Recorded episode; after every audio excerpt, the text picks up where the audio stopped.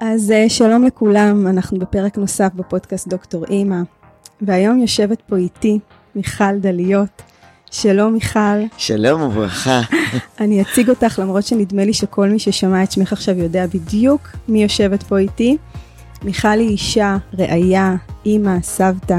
כולנו מכירים אותה כסופר נני הישראלית. מיכל היא אושייה בארץ בתחום היחסים במשפחה, מנחת תוכנית ייעוץ ברדיו ללא הפסקה 103 FM, מחברת שני ספרי הדרכה להורים ומספר ספרי ילדים, והיא עומדת גם בראש אה, לימודי הדרכת הורים בשיטת מיכל דליות במכללת לוינסקי, ואני בטוחה שפספסתי עוד טייטלים, מיכל. אבל אה, אז כמובן שאת יכולה להוסיף אם פספסתי משהו. כאילו לגמרי הטייטלים המקצועיים זה נכון, אז בואי אני אחדש לך ענבל. אה, אני עכשיו בש...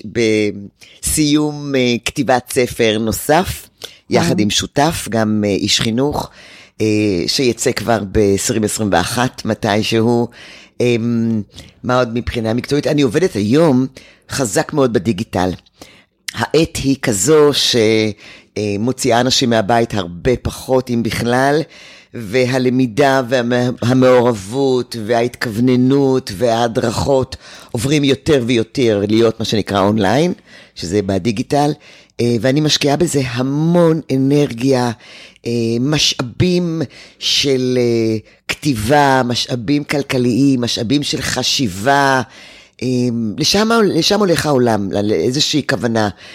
אני קצת ממציאה את עצמי מחדש, וזאת תקופה מאוד מרתקת. אז לפעמים אני נמצאת קצת בתוך תחושה של רכבת הרים, התרגשות ועשייה, ולפעמים ככה בום, לא תמיד דברים מצליחים. מחזיר אותי קצת לתחילת הדרך המקצועית שלי לפעמים, למקומות האלה של, של התנסויות, של לא כל דבר הוא הצלחה כמו שהייתי רוצה שהוא יהיה, שזה דברים מעניינים, ואז אני גם פוגשת את עצמי במקומות האלה, באכזבות. בהתרוממות מחדש, אז, אז אני בתקופה מעניינת. אז באמת זה משהו שרציתי ככה באמת שתתייחסי אליו, מה קורה בתקופה הזאת, ואני חושבת שקצת נגעת בזה, שזה באמת איזשהו, כולנו ממציאים את עצמנו מחדש עכשיו, את מתארת ממש נכון. מעבר לפלטפורמות אחרות. נכון, כש, כשישמעו, כש, כשמישהו ישמע את הפודקאסט הזה שלך עוד שנה, הוא, הוא יצטרך להבין מה זה התקופה הזאת שאנחנו מדברים עליה. אז בעצם אנחנו נמצאים ב, בתקופה של מגפה, מגפת הקורונה. אני חושבת שהדבר העיקרי שמייצג את התקופה הזו, זה מה שאנשים כל כך קוראים לו אי ודאות. עכשיו צריכים להבין, האי ודאות הזאת, מה בעצם המשמעות? המשמעות היא שיש לכולנו תחושה שאנחנו איבדנו שליטה על מציאות חיינו. זה המקום הזה של אי ודאות. לא רואים עדיין את הסוף בקצה המנהרה, לא ברור מתי זה ייגמר, אומרים חנוכה, אומרים אפריל, אומרים יותר מאוחר, כן העולם יחזור למסלולו, לא יחזור למסלולו. אני זוכרת כשזה רק התחיל במרץ 2020, אה, ו- וישבתי ככה עם מישהו ודיברתי על הקורונה, וזה רק היה התחלה, מרץ או אפריל, אז הוא אומר, תקשיבי, העולם כבר עבר מגפה ב-1911. אמרתי לו, חביבי, אני לא חייתי ב-1911, למרות שאני דינוזאור, ו, וגם אף אחד מאלה שאני מכירה, כך שאין לנו ידע של איך מתמודדים עם כזה דבר. גם העולם כל כך שונה מ-1911, הטיסה, ההגעה ממקום למקום, ההשפעה לא רק של תרבויות, גם של מחלות, אבל אלו פני העולם היום. אז באמת מה שהקורונה גרמה לנו ראשית זה להסתגר בבתים, ועדיין הייתה תקווה גדולה שזה יעבור. אה, עברו ארבעה חודשים וחזרנו להסתגר בבתים שוב עם אה, תחושה כבדה יותר של חוסר הבנה וחוסר ידיעה וחוסר, כמו שאמרתי קודם, תחושת שליטה של אז מי יודע כמה זמן זה יהיה, ואנחנו אמורים להיערך, אז איך נערכים? אה, תקופה קשה. גם עם אה, חלק מהמאזינים או חלק מאיתנו הם לא כאלה שמבחינה כלכלית התרסקו, עדיין יש פה במדינה הזאת הקטנה שלנו מיליון איש שהתרסקו, שזה נורא. וכל הדברים האלה תהיינה להם אה, השלכות והשפעות שלדעתי אנחנו לא לגמרי מבינים אותן היום. תקופה קשה, בהחלט תקופה קשה, ושאלת מה קורה איתי, אני מוצאת את עצמי, אה, מצאתי את עצמי, היום אני כבר בעשייה של זה, אבל באפריל ובמאי 2020, ביוני, עסקתי וחשבתי כל הזמן מה אני יכולה לעשות. איך אני יכולה לקחת את הדבר הזה שנקרא מיכל דליות, שהוא בעיקר באספקט המיתוגי ובוא נגיד המקצועי, ולתת מענה, כי בהרגשה שלי אני יודעת לעזור. אני יודעת לפחות אפילו באופן חלקי. לא לפתור את כל בעיות העולם, אבל לפחות באופן חלקי אני יודעת בהרבה פעמים להגיד להורים מה לעשות כדי להיטיב את חייהם, כדי להירגע, כדי להרגיש שהם בסדר למרות הטעויות, כדי לתת עצות, לתת הכוונה, להיות קצת כמו מורה דרך בארץ זרה.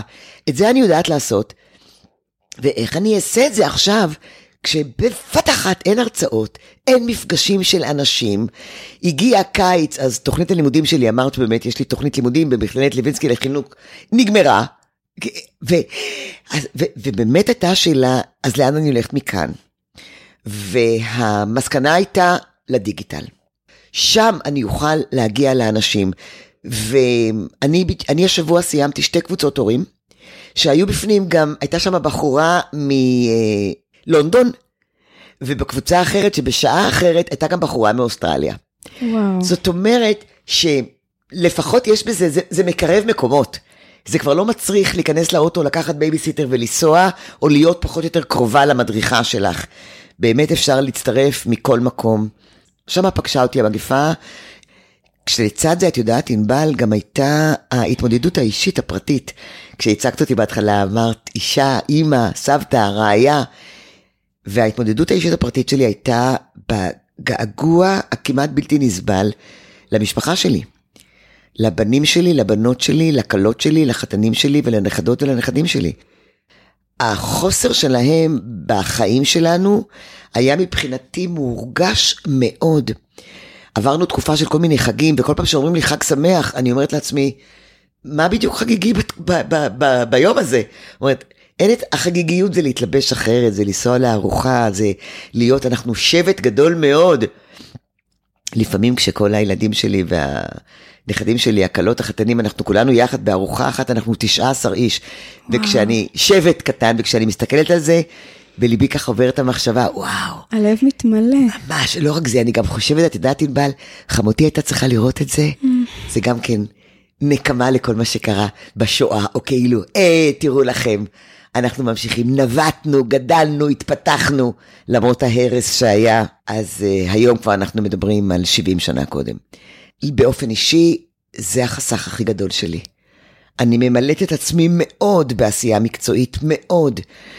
Uh, אני כאן, אני איתך, אני עושה קבוצות הורים, אני עוברת המון מערוץ טלוויזיה לערוץ טלוויזיה, אני מתראיינת המון ברדיו, אני כותבת כתבות בעיתון.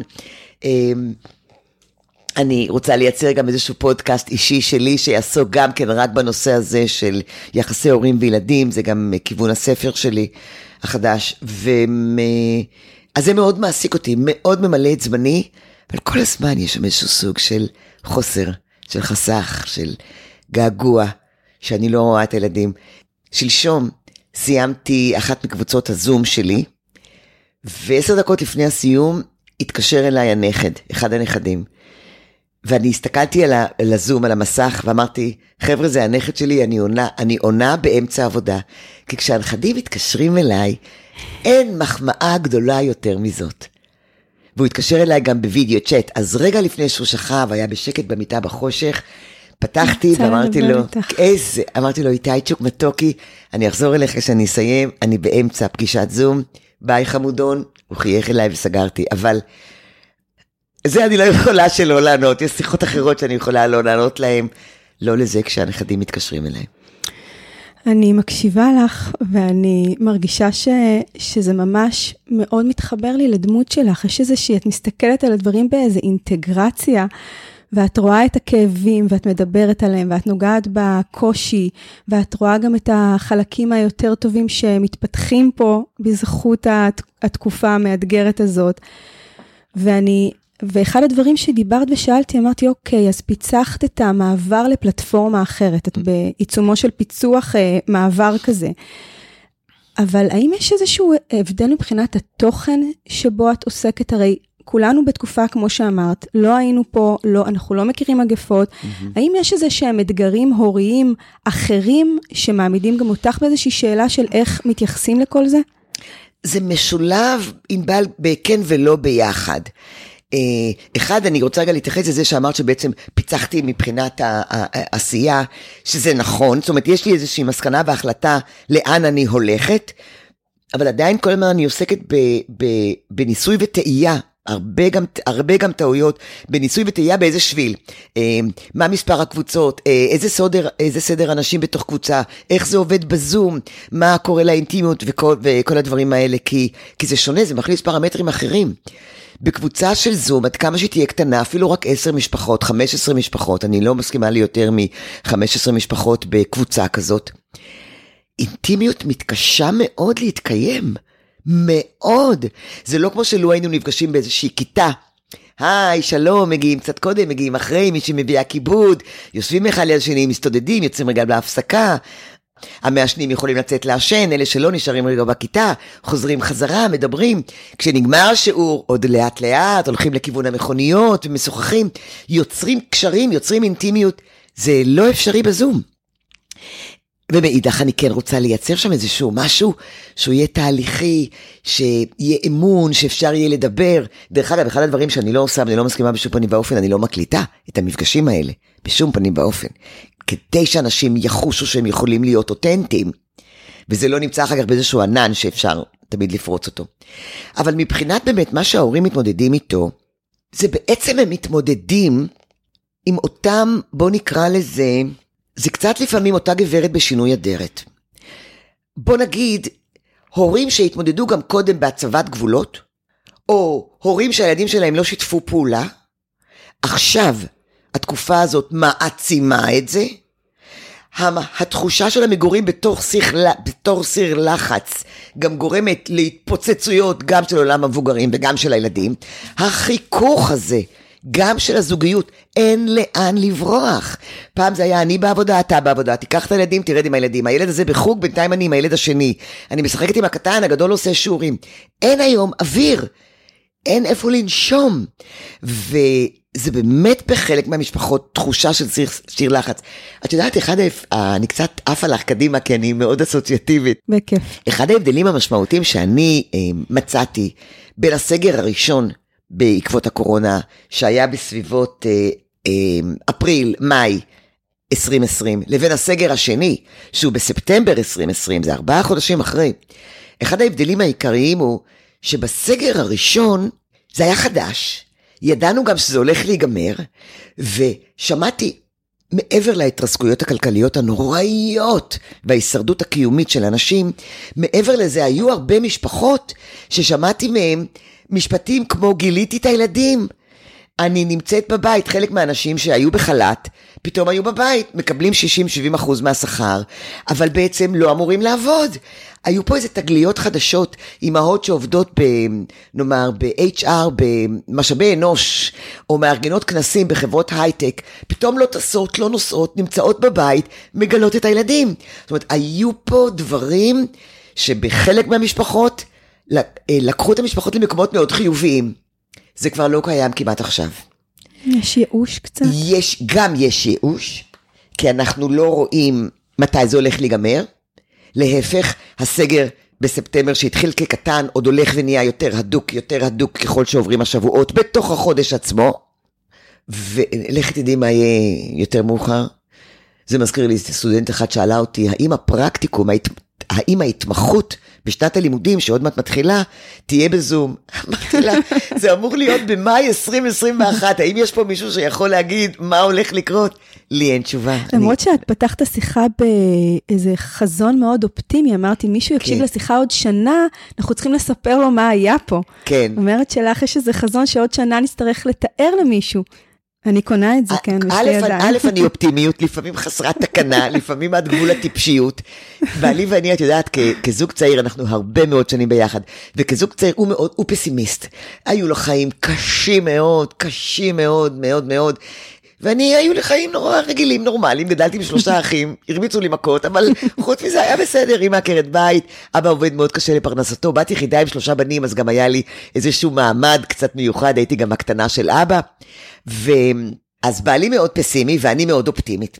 ומדי פעם היו לנו אה, ויכוחים, לא מריבות, ממש ויכוחים, איך יותר טוב לחיות בעולם הזה, כפסימי או כאופטימי. עכשיו, הוא, הוא, לא, הוא לא יכול עליי, אני תמיד מנצחת אותו. הצלחת מה להדביק אותו קצת? הצלחתי מאוד, והוא מודה וואו. שהיום הוא אופסימיסט. וואו, מושג חדש. ואני מודה שאני היום יותר מפוקחת. מה זה אומר להיות פסימי? פסימי מסתובב בעולם, כשכל הזמן מסתובב מאחורי הכתף ואומר, מי רוצה לדפוק אותי? מי רוצה לסדר לי? מי פה חורש לי רע? אז נכון, אתה לא מופתע כשמישהו עושה לך רע. נו, היה ברור, צפית את זה מראש, כי אתה פסימי. כשמה שאופטימי, בטוח שהכל ממש בסדר, והוא אומר, את, כל, את מדי פעם חוטפת סטירה ממישהו או ממשהו, סטירה באופן מטאפורי. אמרתי לו, נכון, אבל א', עד שזה קרה, הסתובבתי שמחה וטובת לב, והיה לי נורא נעים. וגם כשזה קרה, ובום, נפלתי לקרשים, מכיוון שאני אופטימית, אני מתר, מתרוממת מאוד מהר. מתרוממת מהר, שוב בטוחה שהכל יהיה בסדר, ושוב רצה לי קדימה בחיוך. אז היום אני יותר מפוקחת, שזה גם חשוב לדעתי, אמ, אבל כן, פתחתי את השיחה באופטימיות, כי תראי, יש לנו פה רפואה שעובדת מצוין, מדע שמתפתח, מה שקרה פה במאה ה-20 הרי, ההתפתחויות המדעיות והטכנולוגיות, זה, זה מה שלא קרה במשך אלף שנה באבולוציה האנושית. הקצב של התפתחות של דברים. פעם דור היה 50 שנה, במאה ה-19 דור נחשב 25 שנה, היום כל דור זה חמש שנים. בגלל השינויים הכל כך גדולים שהעולם הזה חווה בהתפתחויות ובשינויים. בלי להגיד אם זה טוב או, טוב או רע, קודם כל עצם העובדה שזה מה שקורה. אז כן, אני פצחתי באופטימיות כי גם ימצאו חיסון וגם ידעו למתן את זה, וברגע מסוים אולי יפצחו את מה צריך לעשות, כן סגר, לא סגר, כן חלקי, לא חלקי, אמ, אבל ימצאו, ימצאו את הדרך, זה ייקח זמן. אבל זה יצריך, את יודעת ענבל? זה יצריך מאיתנו, וזה משהו שיצטרך פה להיבנות לאט לאט, במיוחד הצעירים יצטרכו לבנות את זה. אני חושבת שהתלמידים יהפכו, יצטרכו, לא תהיה להם ברירה, הם יצטרכו לאמץ תמונ- תכונות, או נצטרך אנחנו, המורים, ללמד אותם תכונות של מה שאני קוראת לו סטודנט של האוניברסיטה הפתוחה. שזה אומר אה, ידע ויכולות ללמידה לבד. אנחנו פה עושות גשר אה, ספונטני לחינוך ביתי, נכון, כי זה משהו מעניין, שהוא אה, נכון. מאוד אה, נוכח כאשר הורים מחליטים לגדל ילדים בבית, בטח ילדים גדולים. יש שינוי מאוד מאוד גדול במערכת החינוך היום. גם בתפיסה והבנה של מה צריך, של איך עושים, של מה חשוב, מה פחות ישתנה חשוב. עוד יותר לדעתי, זה מאוד ישתנה עכשיו בעקבות החודשים הקרובים. הבת הבכורה שלי, רומי, כן בבית ספר, היא בכיתה ו' עכשיו, והייתה לנו ישיבת הנהגת הורים, ואחד הדבר, אחד הדברים שעלו הכי חזק זה שמה שקורה עכשיו ומה שחייבים לאפשר אותו, זה למידה עצמאית. כן. זה שילד כן. ידע לארגן לעצמו את הזמן, לארגן לעצמו את החומרים. אני הייתי מקווה שתהיה עוד איזושהי עליית מדרגה, שגם ילד יוכל לבחור מה ללמוד ובאיזה Mm. קצב, אבל אני חושבת שבסופו של דבר זה תראי, הולך לשם. יש, אני זוכרת שכשהומצא פה בארץ בית הספר הדמוקרטי, לפני כמעט 20 שנה, אם אפשר היה לזרוק על המנהל עגבניות, היו זורקים עליו עגבניות. עשו, עשו הכל כדי לנסות להכשיל אותו. צריך כאן אנש- אנשים שדבקים במטרה ובטוחים שהם צודקים ובטוחים שזה הדבר הנכון. אז לעיתים גם להשתנות ולעשות התאמות, כאלה, אדפטציות. אה, אה, לאילוצים שונים, או, או, או אפילו לתרבות, לטמפרמנט התרבותי, בוא נגיד, בפינלנד זה יהיה שונה מאשר בישראל. אבל עדיין, ותראי היום כמה זה ברור לנו ומובן לנו, ויש את בתי הספר הדמוקרטיים, ויש את בתי הספר של טבע, ויש את בתי הספר האנתרופוסופיים, ועכשיו יש לנו את עדי אלטשולר שכבר הקימה חמישה בתי ספר מכילים, ויש לנו היום את בתי הספר עם המרחבים המשותפים. את צודקת, כל הראייה החינוכית משתנה, משתנה ומשתנה. את יודעת, אני ראיינתי בזמנו את קירה רדינסקי. קירה רדינסקי היא מדענית, לדעתי ה-IQ שלה הוא בין 140 ל-160, אם לא יותר. היא בגיל 23 כבר עשה את, עשתה את האקזיט הראשון שלה, והיא גם עושה למען הקהילה, היא לא עושה למען הכסף. כסף זה נהדר, אבל, וזה קונה המון נוחות, אבל לא זו המטרה שלה, היא כל הזמן מחפשת דברים למען האנושיות, היא עושה היום דברים מרתקים, היא עובדת גם בטכניון, גם באו"ם. וקירה רדינסקי אמרה פעם, מה שלא מלמדים פה את הילדים, לא מלמדים איך ללמוד. וזה הדבר, וזה אני מניחה ענבל, ואת בקיאה בזה הרבה יותר ממני, יש בחינוך ביתי. איך לומדים? איך מתכננים סדר יום? איך אתה בעצם מלמד ילד היסטוריה אפילו, על סמך זה שהוא בעצם אוהב ג'וקים, או צמחים. שזה מרתק, אבל זה אפשרי הרי. בוודאי, יש חופש מאוד גדול כאשר אתה בוחר להיות עם הילד בבית, מעבר לזה שהלמידה, לפחות בתפיסה שלי, היא איזשהו נדבך אחד בתוך כל הדבר הזה שנקרא חינוך ביתי. Mm. אבל בחלק של הלמידה יש הזדמנות, כי אנחנו לא בתוך המרוץ, ויש לנו רגע אה, יכולת בשקט להתבונן על הדברים ולגלות, לגלות מה מעניין אותנו, מה מעניין את הילדים, איך נכון להם ללמוד, האם נכון לנו ללמד. זאת mm-hmm. אומרת, כל הדבר הזה הוא פותח כל כך הרבה סימני שאלה והזדמנויות של, אה, של ממש יציאה מהקופסה. ואחד הדברים שאני אה, רואה אותו במה שאני עושה, זה שהילדים נמצאים באופן ספונטני וטבעי במקומות האלה. הקושי הגדול הוא שלנו, ההורים, להוציא את בית הספר מהראש שלנו. נכון. את יודעת, כל הנושא הזה, ואת אמרת כל כך נכון להוציא את בית הספר מהראש שלנו. אנשים חושבים על בית ספר, וגם תמיד נותנים את הטיעונים החברתיים, אז מה יהיה עם החברה, כאילו, אפשר לחשוב שהילדים האלה בבידוד כלואים בבית. נו, באמת. אבל uh, uh, כל העניין הזה של בית ספר, בית ספר הוא דבר חדש, הוא עוד לא 200 שנה. אפשר לחשוב. ילדים פעם לא הלכו לבית הספר. גדלו בבית, גדלו עם ההורים, והאבולוציה התפתחה נהדר. מהמצאת האש להמצאת הגלגל, להמצאת ה... הגענו לירח, והגענו... בלי בתי ספר. זאת אומרת שהרעיון הזה כאילו, זה הדבר, זו האמת, מוט... מוטעה מבסיסו, מראש.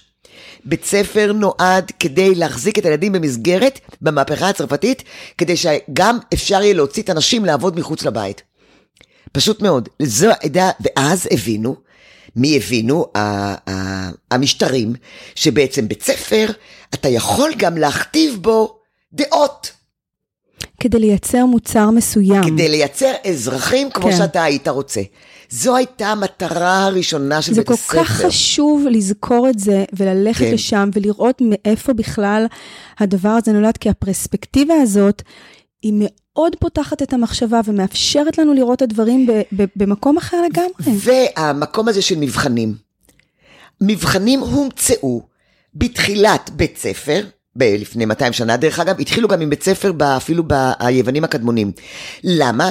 כי בית ספר היה מאוד סלקטיבי. בהתחלה זה היה רק לעשירים, רק לאש שזה יותר, אז איך אני אוכל?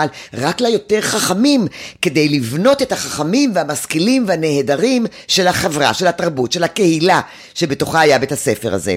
אז, אז איך אני אדע מי יותר חכם ומי יותר עושה מבחנים? זו הייתה הסלקציה הראשונית. ואנחנו סתם עושים היום דברים סלקטיביים. יש מסתובב ביוטיוב סרטון נפלא, שבעצם אנחנו מכניסים לתוך כיתה, בוא נחשוב על ילדים כעל אה, חיות קטנות. ילדים הרי הם יצורים קטנים, כל כך שונים. בלונדינים, גבוהים, רזים, שמנים, שחורים, בהירים, אה, אה, לבקנים, הכל, מכל הצבעים. ג'ינג'ים, רואים טוב ולא רואים טוב, שומעים ולא שומעים. ואם אנחנו רגע נדמה אותם לבעלי חיים, אז אנחנו מכניסים לכיתה דובים ונחשים ודגים וציפורים וזב, וזברות וג'ירפות, ואנחנו אומרים לכולם, בואו נראה מי מגיע ראשון לצמרת העץ. אז תגידו לי, מי יגיע לשם ראשון, הג'ירפה או הדג? עכשיו, זה בדיוק הילדים שיושבים בכיתה. וזו בדיוק המשמעות של לשים את כולם ולנס, ולנסות לשים את כולן בביחד הזה. כמה עוול אנחנו עושים להמון ילדים אחרים. והיום מערכות החינוך מבינות את זה.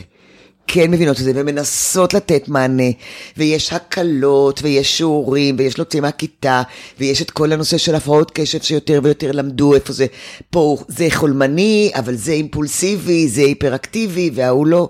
אני לחלוטין רואה את השינויים האלה שקורים כן. במערכת, זה לא כמו המערכת כמו שאני כילדה זוכרת אותה, mm-hmm. היום באמת יש יותר, אנחנו מתקרבים לאיזושהי התבוננות על משהו אינדיבידואלי יותר, שהוא mm-hmm. קשור לשונות בין הילדים, ועדיין יש, אני, אני תופסת את החינוך הביתי מעבר להיותו הוא, עומד בפני עצמו, אני תופסת את, ה, את הנוכחות שלו בחברה שלנו ובחיים שלנו, כשוב, משהו שהוא שייך לפרספקטיבה, לרצף, שאנחנו אומרים, יש לנו את החינוך הציבורי, ויש את החינוך הפרטי, מה שהזכרנו, נכון? דמוקרטי, אנתרופוסופי, בתי ספר מכילים, אבל יש פה, בקצה של הסקאלה, גם את החינוך הביתי. הורים שאמרו, אנחנו לוקחים לידיים במאה אחוז. על עצמנו, על צריכים עצמנו, להבין איזו עלינו. מחויבות זאת, וואו, כן. אז נכון. אנחנו לוקחים על עצמנו את הגידול והחינוך של הילדים שלנו. וזה מביא אותי למשהו שמאוד רציתי לדבר איתך עליו. אחד הדברים שהכי, ככה באמת, אני עושה את התנועה, באמת כואבים לי, מסובבים לי. את הבטן, זה באמת להיות עדה למה עובר על הורה שבעוונותיו, בעוונותיו, בוחר לגדל את הילד שלו בבית. היום הורה שבוחר לגדל את הילד שלו בבית, זוכה לתגובות ציבוריות מאוד לא פשוטות. אני מדברת בעיקר על אימהות, כי לפי מחקרים מראים שהם אלו בעיקר שבוחרות. לוקחות על עצמן, הן כן. גם אלו שבוחרות את זה עבור המשפחה שלהן, וגם אלו שבסופו של דבר הלכה למעשה עושות את זה. העבודה. ואני אפילו לא מדברת על גילאי בית הספר, את יודעת? בוא נלך אפילו לגילאים צעירים. אימהות לילדים צעירים, בני שנה, שנתיים, שלוש, שפונות אליי, או שאני רואה את השיח ברשת, שהן ממש כואבות ובטוחות שהן עושות איזה נזק נורא לילדים שלהם, בזה שהן רוצות לגדל אותן, אותן ואותם בבית עכשיו. אז הייתי רוצה שנגיד על זה משהו, שנדבר על זה. תראי, כדי שאנשים, כדי שקהילה תדע לקבל משהו שונה, כדי שכל אדם כפרט, אני, אני ארד דווקא לאינדיבידואל, כדי שכל אדם פרטי ידע לראות ולקבל דעה שונה משלו, אנחנו צריכים לעבור פה תהליכים חברתיים רציניים. כי אם נאמר, אני חושבת שחינוך ביתי זה ממש לא טוב, בעיניי נגיד. והשכנה שלי ליד אומרת לי, מיכל, תקשיבי, זה נהדר, זה מתאים לי, זה מתאים לילד, זה מתאים זה. זה שאני מוכנה לשמוע אותה או מקבלת אותה, זה לא אומר שאני מסכימה. אבל זה אומר שאני אומרת לעצמי, וואלה, לה זה מתאים. היא את זה אוהבת. ואם אני גם רואה את הילד, והוא ילד טוב, והוא ילד מנומס, והוא ילד לא בור, והוא ילד כזה, אז אני אומרת, כנראה יש פה משהו. עדיין זה לא נכון לי, עדיין זה לא מתאים לי, עדיין אני לא הייתי עושה את זה, מכל מיני סיבות. אבל עובדה, זה כן קיים. תראי גם מה קורה לנו היום במדינה, אנחנו רואים להפך, אנחנו הולכים לאיזשהו סוג של קיטוב. את יודעת, אני ממליצה לך, אם עוד לא ראית, וגם למאזינות ולמאזינים בפודקאסטים שלך, בנטפליקס יש היום בטופ 10, ב- בעשרת הסרטים הכי מבוקשים, יש סרט דוקו ארוך מאוד, שנקרא מלכודת הסושיאל, מלכודת הרשתות, משהו כזה.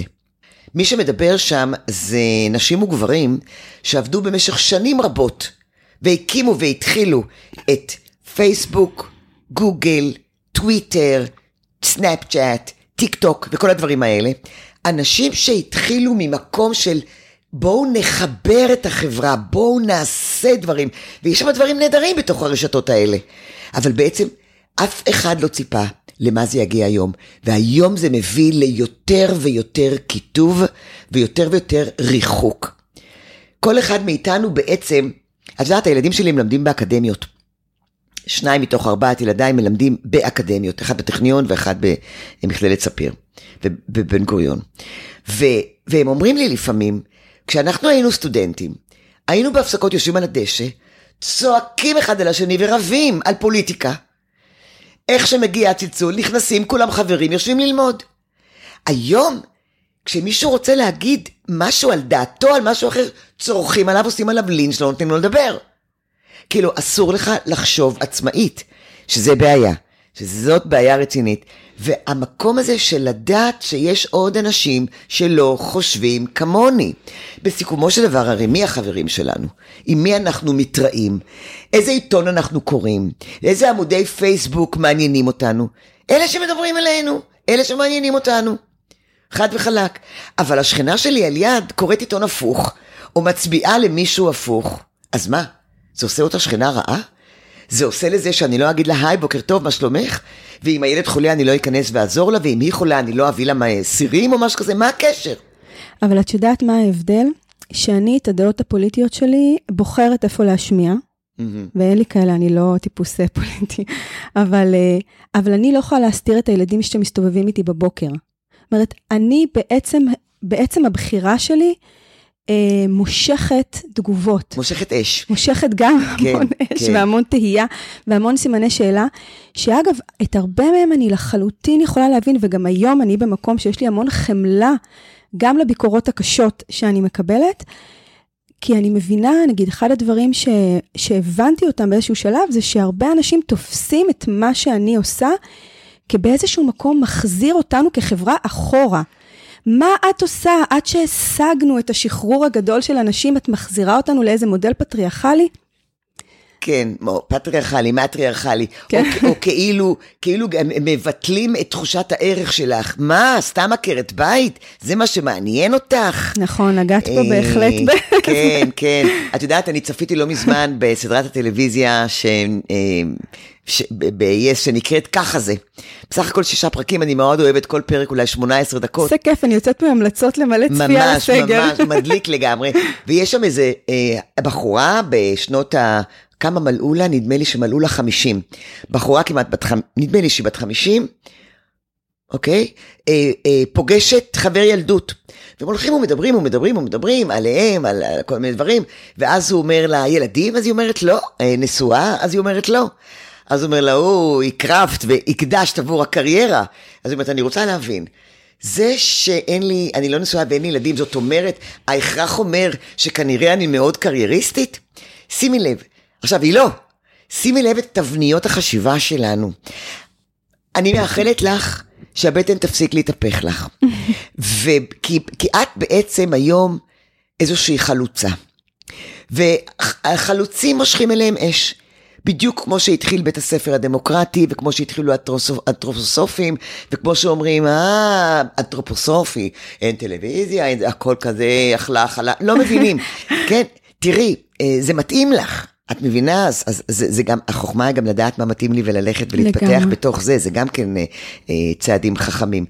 יש פה משהו אחר, יש פה משהו חדש, יותר ויותר מדברים על חינוך ביתי, יותר ויותר אנשי מקצוע נדרשים לתת את דעתם, יותר ויותר אנשים מכירים אנשים אחרים שעושים לילדים שלהם חינוך ביתי. יש פה עבודה, ולך באופן אישי אני מאחלת שלא תתהפך לך הבטן, אלא שתמיד יהיו לך מענים של עוצמה פנימית וחוזק, של, של לשים את זה יותר במקום, בואו נקרא לזה מרוחק רגשית, לשים את זה יותר במקום אה, אינטלקטואלי, של לדעת מה לענות לאנשים כאלה. אני יודעת שאני מושכת אש, אני יודעת שהם יחשבו עליי שאני לא מממש את עצמי ואני כלומניקית, ואז עוד תגידי שהדוקטור, מה, יגידו לך, מה? באמת? מה, הצלחת ללמוד? אה, בטח עשית את זה לפני הילדים, כל מיני דברים, ברור, ברור. אני כאילו, אשב אי אפשר. ואספר יום אחד איך זה קרה. ברור, כאילו אי אפשר, כאילו אי אפשר בלי... זה כמו שאני מספרת שאני בגיל 40, כבר היו לי ארבעה ילדים, היה לי בן בצבא, חזרתי ללימודים. הכל אפשר, כשנורא רוצים, נורא רוצים, הכל אפשר ומוצאים את הזמן, כשהתשוקה היא מאוד מאוד גדולה. זה עדיין המקום, את צודקת, את צודקת ענבל, זה עדיין המקום, אה, אבל, אבל גם את חשה, וגם אני יודעת, שהוא הולך ומשתנה מאוד לאט, ויכול להיות שמגפת הקורונה עכשיו אפילו תאיץ דווקא את ההתקדמות של זה, תאיץ את שינוי המחשבה. אולי אפילו את המשאבים שהורים יקבלו. הלוואי, זה אחד, חזון, תה- אה, כשיום אחד תהיה פה איזושהי הבנה על כמה זה טוב בעצם, כמה זה חשוב בעצם. איזו הקרבה הורית יש בחינוך ביתי. אנשים ש... אני חושבת שבדרך כלל ביקורת, על כל דבר כמעט, נעשית מתוך בורות. ביקורת על, על, על, על עשייה של אנשים אחרים, אני לא מדברת על עשייה פושעת או עבריינית או דברים כאלה. כשמישהו אחר עושה משהו שאני לא מספיק יודעת עליו, יש סיכוי שתהיה שם ביקורת, אה, וזה בא מתוך אה, חוסר ידיעה, הרבה פעמים אולי אפילו בורות, אבל אני לא אומרת שאנשים הם בורים, אלא בורות על הדבר עצמו. חוסר ידע על הדבר עצמו. זה באמת משהו מאוד מאוד חדש, והמון אנשים מתקשים לתפוס את הדבר הזה. אני אפילו רואה לפעמים ב- בין זוגות שהם הורים בחינוך ביתי, איך הרבה פעמים האבא אפילו מתקשה לתפוס את מה מתנהל פה, מה קורה פה, לאן כל זה הולך. אבל לא זה מה שרציתי להגיד כשדיברת, אני גם אסוציאטיבית, ואמרת שהרבה אנשי מקצוע נדרשים אה, לתת איזשהו, אה, לדבר או להגיב על התופעה הזאת. לבדוק, להכיר, כן. להגיב, נכון? אז אחד הדברים שמשפחות בחינוך ביתי נתקלות בו, זה שהן מאוד מתקשות מול אנשי מקצוע. כי משפחות בחינוך ביתי מביאות, ויש שם דילמות וקונפליקטים וקשיים, כמו בכל משפחה, רק שהתשתית, הקרקע היא, היא שונה קצת. ואז יושבים מול איש מקצוע, והקושי הגדול הוא לדבר על יחסים לא טובים בין האחים, בלי שאיש המקצוע...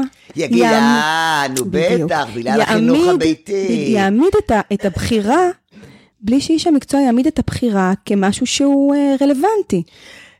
כי אפשר לחשוב שיש יחס, אין, אין, אין, אין מריבות אחים, או אין יחסים לפעמים טעונים בין ילדים שהולכים כל יום לבית ספר, ונפגשים רק בשלוש בצהריים. אבל הסיטואציה היא אחרת. כן. הסיט... הם, הם נמצאים כל היום ביחד, האחים האלה. ועכשיו בואו נתייחס לזה. כן. ויש קושי שם, יש קושי, הרבה הורים מתארים שעד שהם מביאים את איש המקצוע בכלל להכיר ולהבין, ולא להיות תומך... כי אה, אין מספיק ידע סביב העניין הזה. אין מספיק ידע, ואתם, אה, נשות המקצוע, אנשי המקצוע, ומי שעוסק בזה... וגם באקדמיה, יש המון מחקר שמתפתח, אבל זה באמת... זה, ב... זה, זה, זה בחיתוליו. נכון. שאלת אותי, האם ההורים היום מתמודדים באמת אה, עם דברים אחרים? אז והתחלנו לדבר על, על החיכוך, על ציר הלחץ. זה קצת משהו שדומה אולי בחינוך, שבחינוך ביתי, שהאחים, האחים והאחיות נמצאים כל היום ביחד.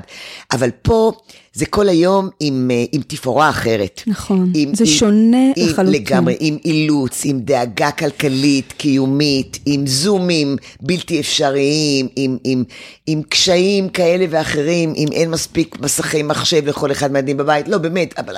גם החיים של ההורה עצמו שפתאום נקלע לסיטואציה הזאת התהפכו, כמו שאמרת, הרבה מאבדים פרנסה, הרבה נמצאים בחל"ת. כל הסיטואציה היום היא אחרת לחלוטין מבחינת חינוך ביתי. כן. זה נכון שלנו, למי שבחר בחינוך ביתי, במובן מסוים החיים שלנו לא התהפכו עלינו. Mm. כי אני פיניתי את עצמי מראש, אני נמצאת פה עם הילדים, זה מה שאני עושה. הילדים רגילים להיות אחד עם השני, mm. ואנחנו רגילים להיות בבית, אבל יש הרבה דברים אחרים שהשתנו לנו, אנחנו לא רואים את סבתא. יש המון געגועים, אנחנו לא הולכים לחוגים שלנו, אנחנו לא פוגשים חברים, אנחנו לא מארחים. Mm. אחד הדברים השפויים שקורים בחיים שלי זה שפעם בשבוע אחותי מגיעה לפה עם הילדים. ויש איזה משהו כל כך נורמלי בלהיות שתי אמהות עם ילד, מלא ילדים, כן. שהוא כל וואו. כך מנחם, שזה נעצר לנו פעם שנייה. יאללה. אז זהו, זהו, אז, אז תמיד היו מריבות אחים, והיום הם במס... בכמויות יותר גדולות ובעוצמה יותר גדולה. תמיד היו חילוקי דעות בין בני הזוג, תמיד. אה, כי אנחנו שני אנשים שונים. היום יש יותר חילוקי דעות ויותר חיכוך ויותר מריבות וכעסים. תמיד, כמעט תמיד האימהות והאבות בשלב מסוים היו צורכים על הילדים. אז היום זה קורה לעיתים יותר דחופות ובעוצמות יותר גדולות, ואז ההורים גם מתחרטים כי הם מבינים שזה בא מתוך הקושי והמצוקה שלהם. בהמון בתים הילדים לא היו משתפים פעולה, והיום כשהם לא משתפים פעולה, וזה כל כך הרבה פעמים ביום, זה בכלל מוציא את ההורים מדעתם. בעצם הווליום עולה. כן. הווליום עולה כן. בכל מיני אתגרים. כן. פתאום האתגר נהיה הרבה יותר... אה, יומיומי, יומי, מתמשך, אין איפה, אין את הרגעים האלה של לנשום אוויר. קשה. וואו, תקשיבי, ענבל, תקופה קשה. יש לי חברה אסטרולוגית, שהיא אומרת לי שהכוכבים אומרים שבאפריל יהיה פה יותר טוב. אפריל זה אומר שסגרנו שנה קורונה. אפריל זה אומר שסגרנו שנה קורונה. תחזית אופטימית. נכון. אז, אה, אז יאללה, אני דבקה בזה בינתיים. כן, התחלנו בזה, גם כן, שעוד כן, שנה נצטרך כן. להסביר על מה אנחנו מדברים. כן, נכון. טוב. זה נורא קשה לדבר על דברים שהם לא שייכים לקורונה, אבל אני לוקחת אותנו לשם בהנחה שה... שהפרק הזה יהיה רלוונטי גם בשביל הקורונה. הוא יהיה, הוא יהיה, כי הוא מדבר על מערכות יחסים, והם נכון. תמיד תהיינה, עם, עם מגפה, בלי מגפה, כן נשואים, לא נשואים, חינוך בבית, חינוך בחוץ. מערכות יחסים תמיד תהיינה רלוונטיות. טוב, אז אחד הדברים שאני, אה, ככה, מלשמוע אותך בכל מיני הזדמנויות, אה, מאוד אוהבת ומזהה, זה, ש... זה שאת מתערבת או מתייחסת למקום שיש בו קושי. ברגע שלהורים קשה, או יש אתגר, אז את מתייחסת. וכבר שמעתי ש... שהתוכן הוא רק בהקשר לקושי, זאת אומרת, זאת לפחות איך ככה, ככה אני תפסתי, זה שאת לא מגיעה עם איזה שק אידיאולוגיות ואת אומרת, תקשיבו לי טוב, ככה צריך לישון, עד פה צריך להעניק, וזה כל כך מרגש לפגוש מבחינתי אשת מקצוע במעמד שלך, שלא באה עם איזושהי עשה ואל תעשה, שתמיד מתייחסת לסיטואציה הספציפית. נכון, וואו, זה התחיל אחרת, לא ידעתי לאן את לוקחת את זה, וזה נגמר במחמאה, שיחקת אותה, אני מודה לך. אה, זה נכון. אז אני, אז אני אתגאה בעוד משהו. סיימתי שתי קבוצות הורים, והקודמת שסיימתי, היה שם זוג אה, של שני גברים גאים, ו... ובסוף כולם אמרו תודה רבה ותודה רבה, רגע לפני שסגרו את, המצלמות ואת המיקרופונים של הזום. אז הוא אומר, תקשיבי, אני רוצה להגיד לך משהו. כשאנחנו החלטנו, יש להם ילדה בת שמונה וילד בן שנה. הוא אומר, כשאנחנו החלטנו שאנחנו רוצים ילדים, התחלנו להסתכל על התוכניות שלך. כך שאת איתנו, ואת גרה איתנו עוד לפני הילדים, ובוודאי תוך כדי, תוך כדי כל הזמן. ואני רוצה להגיד לך, אחד הדברים שאני קיבלתי ממך, זה את ההרגשה שאני בסדר. שגם כשאני עושה טעות, אני בסדר. כי אפשר לתקן, כי זה לא הרי גורל, כי אפשר לשנות. ו, וזה מאוד החמיא לי, מאוד מאוד החמיא לי. ואני מחברת את זה למה שאת אמרת מקודם. אני לא מדברת מתוך ספרי פסיכולוגיה, למרות שלמדתי המון, ואני עדיין לומדת כל הזמן. כל הזמן קוראת ולומדת, המון. מחקרים חדשים, ספרים שמעניינים אותי, רעיונות אחרים, האם אני מתחברת או לא מתחברת, אה, ומכניסה גם לתוכנית הלימודים שלי כל מיני דברים שהם, שהם רלוונטיים. כשאצלי היום לומדים להיות יועצי משפחה בגישתי, התוכנית הלימודים שלי במכללת לוינסקי, אה, בשנה, זה שנתיים לימודים, יום בשבוע. בשנה הראשונה, סמסטר שלם לומדים אה, פסיכולוגיה. זה לא דומה למה שלמדו לפני 20 שנה. ענבל זה לא דומה. Okay. אוקיי. היום הפסיכולוגיה היא בהיבטים אחרים, נכון, מדברים על באייר, נכון, מכניסים את אריקסון, נכון, יש לנו גם קצת פרויד ודברים כאלה, אבל יש היום את הפסיכולוגיה החיובית. היום אנחנו כבר לא מדברים על פתולוגיות, אנחנו מדברים על, על עוצמות, על חיזוקים, זאת אומרת, באמת, יש שינויים מאוד גדולים, ואני מתעדכנת כל הזמן. עכשיו, כשאני באה וצופה במישהו, אני מתאימה את כל השק הענק של הידע שלי אל מי שאני מסתכלת. על ההורים המסוימים האלה. אם למשל אני רואה אה, אימא או אבא, ששליטה מאוד חזק להם. הם רוצים לשלוט. אני עוד אגיע לזה, אני אטפל בזה, אני אייעץ, אבל כרגע אני רואה את זה, והם יושבים ממול, והם רוצים עצה, ומה לעשות, והילד נאבק איתי, והילד זה, ואני קולטת שההורה חולה שליטה. שיהיה לך ברור שדבר אחד אני לא אגיד לו, אני לא אגיד לו, אתה חייב לשחרר. הוא לא מסוגל, מה פתאום שאני אגיד לו דבר כזה? לבוא למישהו ולהגיד לו מה הוא צריך לעשות כשהוא לא יכול לעשות את זה, מה עשיתי? זה, זה, זה באמת, זה כמו להגיד לרגל, לבן אדם בלי רגל, תקפוץ. זאת אומרת, וזו המקום של ההתאמה. אני יודעת שהוא חייב לשחרר, אבל הוא לא יכול כרגע, אני צריכה לעבור איתו את התהליך, לעזור לו לתקן, להראות לו את המחיר, להכניס אותו לראש של הילד, לה, להביא אותו לעצמו, שהוא יבין איך זה קורה לו, למה זה קורה לו, מתי זה קורה לו, האם בכל מציאות, למה זה קורה לו עם ילד אחד ולא קורה לו עם ילד אחר, להבין, להבין. בכלל אני רואה את העבודה שלי במין מקום של אמצע, ואני אסביר לך. אני עובדת ככה עם הידיים, אז את רואה אותי, יד לימין ויד לשמאל. כשהורים באים אליי, עכשיו יד ימין שלי עובדת, כשהורים באים אליי הם באים עם קושי, ועכשיו יד שמאל שלי עובדת, הם רוצים ממני פתרון. אני עובדת על האמצע, על ההבנה. אני, אני יודעת, אני כמעט בכל רגע נתון באמצע הלילה יעירו אותי וישאלו אותי מה לעשות במקרה כזה וכזה, תהיה לי תשובה. אבל לא לשם אני רוצה להביא את ההורים. אני לא רוצה שאנשים יגידו, אני עושה כי מיכל דליות אמרה. אם אני עושה, כי מיכל דליות אמרה, זה אני עושה כי שמעתי אותה אומרת וזה נשמע לי נורא הגיוני, דווקא זה מתאים לי לעשות את זה ולכן אני מחליט לעשות. זה מקום אחר לגמרי, בלהחליט לבצע משהו. כי אני רוצה שהורים יבינו מה קורה כאן. ו- וזה עיקר הלימודים שלי, גם בקבוצות ההורים שאני עושה היום, ובוודאי בתוכנית הלימודים שאני מכשירה להיות יועצות כמוני. אחד הדברים, אחד השיעורים שאני מאוד אוהבת בתוכנית הלימודים, ועושים את זה בשנה השנייה לפני ההתמחות, זה השיעור הזה שאני קוראת לו אומנות שאלת השאלות.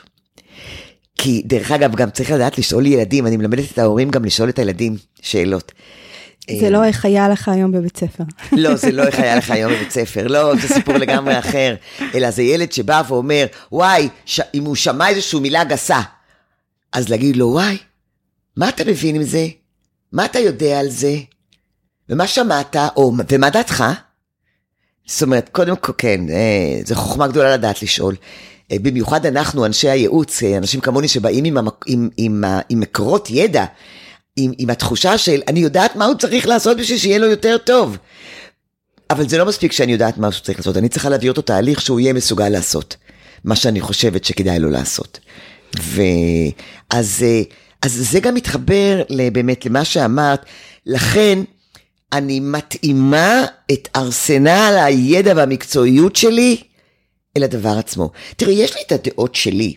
של כמה להעניק, כמה לא נעניק. יש לי את הדעה שלי האם ילד יכול להגיד לאמא שלו תתעופפי מפה או שלא. מאידך, אם יושבים לי זוג הורים, שאני שומעת הילד אומר תתעופפי מפה, וההורים אומרים עזבי בחייך, אני לא מתייחס לזה, זה יעבור לו הרי עוד חודש. אני לא אבוא ולהגיד להם תקשיבו, זה לא בסדר, זה... או הורים שהילד ישן במיטתם, או הורים שהילד חנך בגידול, גדל בגידול ביתי. אני, אני מאוד, אה, אני חושבת שגידול, שחינוך ביתי זה טוב, אבל נגיד שהייתי מהמתנגדות, והייתה יושבת לי בקליניקה אימא שמלמדת בחינוך ביתי ובאה אליי עם כל מיני איזושהי דילמה. אני לא אגיד לה, תקשיבי, למה את עושה חינוך ביתי? זה לא טוב לילדים. בחיים אני לא אהיה במקום כזה. זה הבחירות של האנשים, זה מתאים לאנשים. היא חושבת שכשהילד אומר לה, תתעופפי מפה, זה שטויות במיץ עגבניות, היא לא מרימה את זה להנחתה, היא לא עושה מזה מאבק כוח, היא מכירה את הילד שלה מספיק טוב לדעת שעוד שבועיים שלושה היא לא תתייחס לזה, זה תכף יעבור. בטח לא תבוא מיכל דליות ותגיד לה, תקשיבי, ילדים, ככה לא מדברים אל ההורים. אני חושבת הילד... שזה חלק מהקסם הגדול. כי הילדים שלי לא ידברו אליי ככה. כי מבחינת איך שאני רוצה לחנך את ילדיי, אבל אם שם זה עובד, או הורים שהילדים ישנים במיטתם. אני מספיק יודעת על, אה, על עיקרון הרצף, או על... את יודעת איזה כיף זה לילד לישון במיטה של ההורים שלו? אני יודעת. איזה כיף זה. לא, אני יודעת זה מהצד השני. אה, אה, כן, של ההורים. הנשימות של ההורים, חום הגוף, להתקרב... איזה כיף זה לישון עם ההורים. אז אם זה בסדר וזה מתאים לשני בני הזוג וזה לא, הם, והילד לא מהווה חיץ בזוגיות שם. כן, את לא יכולה לסבול שאבא יעבור לסלון נגיד, בעקבות לא, זה לא יכולה, לא, שמעתי לא, זה, כן, זה לא. אבל זה בסדר להם שהילד יישן שם, וגם אם הוא ישן במיטתו וכל לילה בשלוש בלילה הוא בא והאימא זזה ונצמדת לאבא, ו... בטח אני לא אבוא ואגיד לה, תוציאי את הילד. אוקיי? מקסימום תשאל אותי מה דעתי, אז אני אגיד לה, תקשיבי, אני, שימי לב לזה, שימי לב לזה, אבל, אבל אני אבדוק שהילד הוא טוב, הוא עצמאי, והוא נרדם יפה במיטתו, ו... זאת אומרת, אבל אם היא תבוא אליי ותגידי לי, מיכל, הצילו, SOS, כל לילה הוא בא למיטה, אני לא יכולה לסבול את זה, אז אני אנחה אותה. כן, מבינה? זה בדיוק מה שאמר, ככה התחלתי את הדברים אה, ואמרתי שאני מאוד מאוד אוהבת להקשיב לך, כי אני מזהה ש, שאת לא מגיעה מראש עם ידיעות וזה נשמע וזה ניכר שבסיס הידע שלך הוא כל כך אה, רחב, ועדיין זה תמיד יהיה מותאם לסיטואציה שהגיעה מולך. ואני יכולה להגיד שאחד הדברים שאני מתעסקת איתם זה שגם מתוך ידע של המון תיאוריות, אני מזהה שברגע ש, שמגיעים הורים ויש להם איזשהו קושי, אז יהיה אפשר להשתמש בתיאוריה כזאת או אחרת כדי לעזור להם לצאת מהקושי או כן. להתקדם. אבל ברגע שבמקום שיש שקט, אפילו סוג של הרמוניה, אני מרגישה שאני לא יודעת מה טוב או לא טוב להם. אם להם טוב ויש שקט, אז אני לא חושבת שיש איזושהי תיאוריה שתבוא ותגיד להם, תקשיבו, זה לא טוב לכם. כן, זה וזה וזה צריך לקרות, נכון. תראי, כמו למשל, אה, אחד הדברים, במיוחד כשהתחלתי את התוכנית של אה, סופר נני, אה, גם האורחים רצו שככה זה יהיה. וגם כך ציירו אותי בהתחלה כמאוד נוקשה, עם החליפה והקוקו הצמוד. אני אגיד פה איזושהי מילה קשה בהתחלה, בכל מיני כתבות, כל מיני, קראו לי נאצית. ממש היה כזה, וואי. ו, ועם הזמן, גם האורחים, וככל שהעונות התקדמו, יותר ויותר אפשרו לעצמם להראות אותי, כי גם שם אני הייתי, רק לא, רק, אני מצלמת למעלה מחמישה ימים בתוך הבית של המשפחה. בסוף מראים שעה. חמישים דקות, וואו. בדיוק. זאת אומרת, תארי לעצמך כמה דברים עוד היו שם, שנשארו על מה שנקרא רצפת אה, אה, העריכה. אז רגע, יכול להיות שגם הדמות שלך עוצבה גם כחלק מעריכה מסוימת שנעשתה? אה, בהתחלה כן, כי אם היו רגעים שדמעו עיניי, בעונות הראשונות לא הראו את זה, אחר כך כבר כן.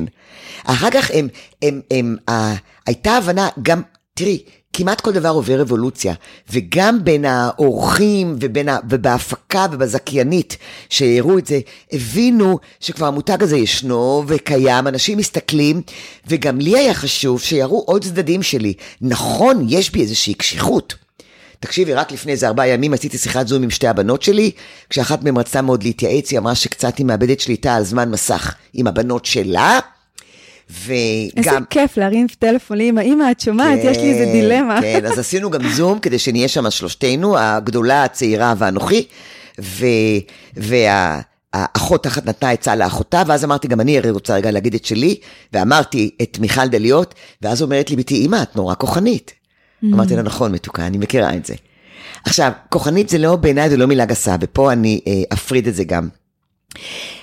לפעמים העצות שלי, או גם אני רואה הורים שמתנהגים באופן מסוים, שבוא נגיד הילד מתוסכל. ההורה, הילד כועס, הילד אפילו עצוב. אם אני חושבת שמה שההורה עושה יקדם את הילד לכיוון, אבל כרגע בדרך הילד נורא מתוסכל, או כי הוא לא מקבל את מה שהוא רוצה, או כי יש שם איזשהו סוג של סנקציה, או כי הוא לא אוהב את זה וזה לא נעים לו, אז הוא עצוב, הוא כועס, הוא מתוסכל, יכול להיות. זה לא מפחיד אותי. זה לא מפחיד אותי כשאני יודעת שהאקט הזה משרת את הילד. טוב, רחוק, לטווח רחוק. אבל בחיים, בחיים אני לא אתן יד להשפלה של ילדים. וזה דרך אגב אחד הדברים שמייחדים אותי למשל מהסופר נני אנגליה. שה... הפורמט הוא בא מסופר נני אנגליה, קוראים לה ג'ו פרוסט.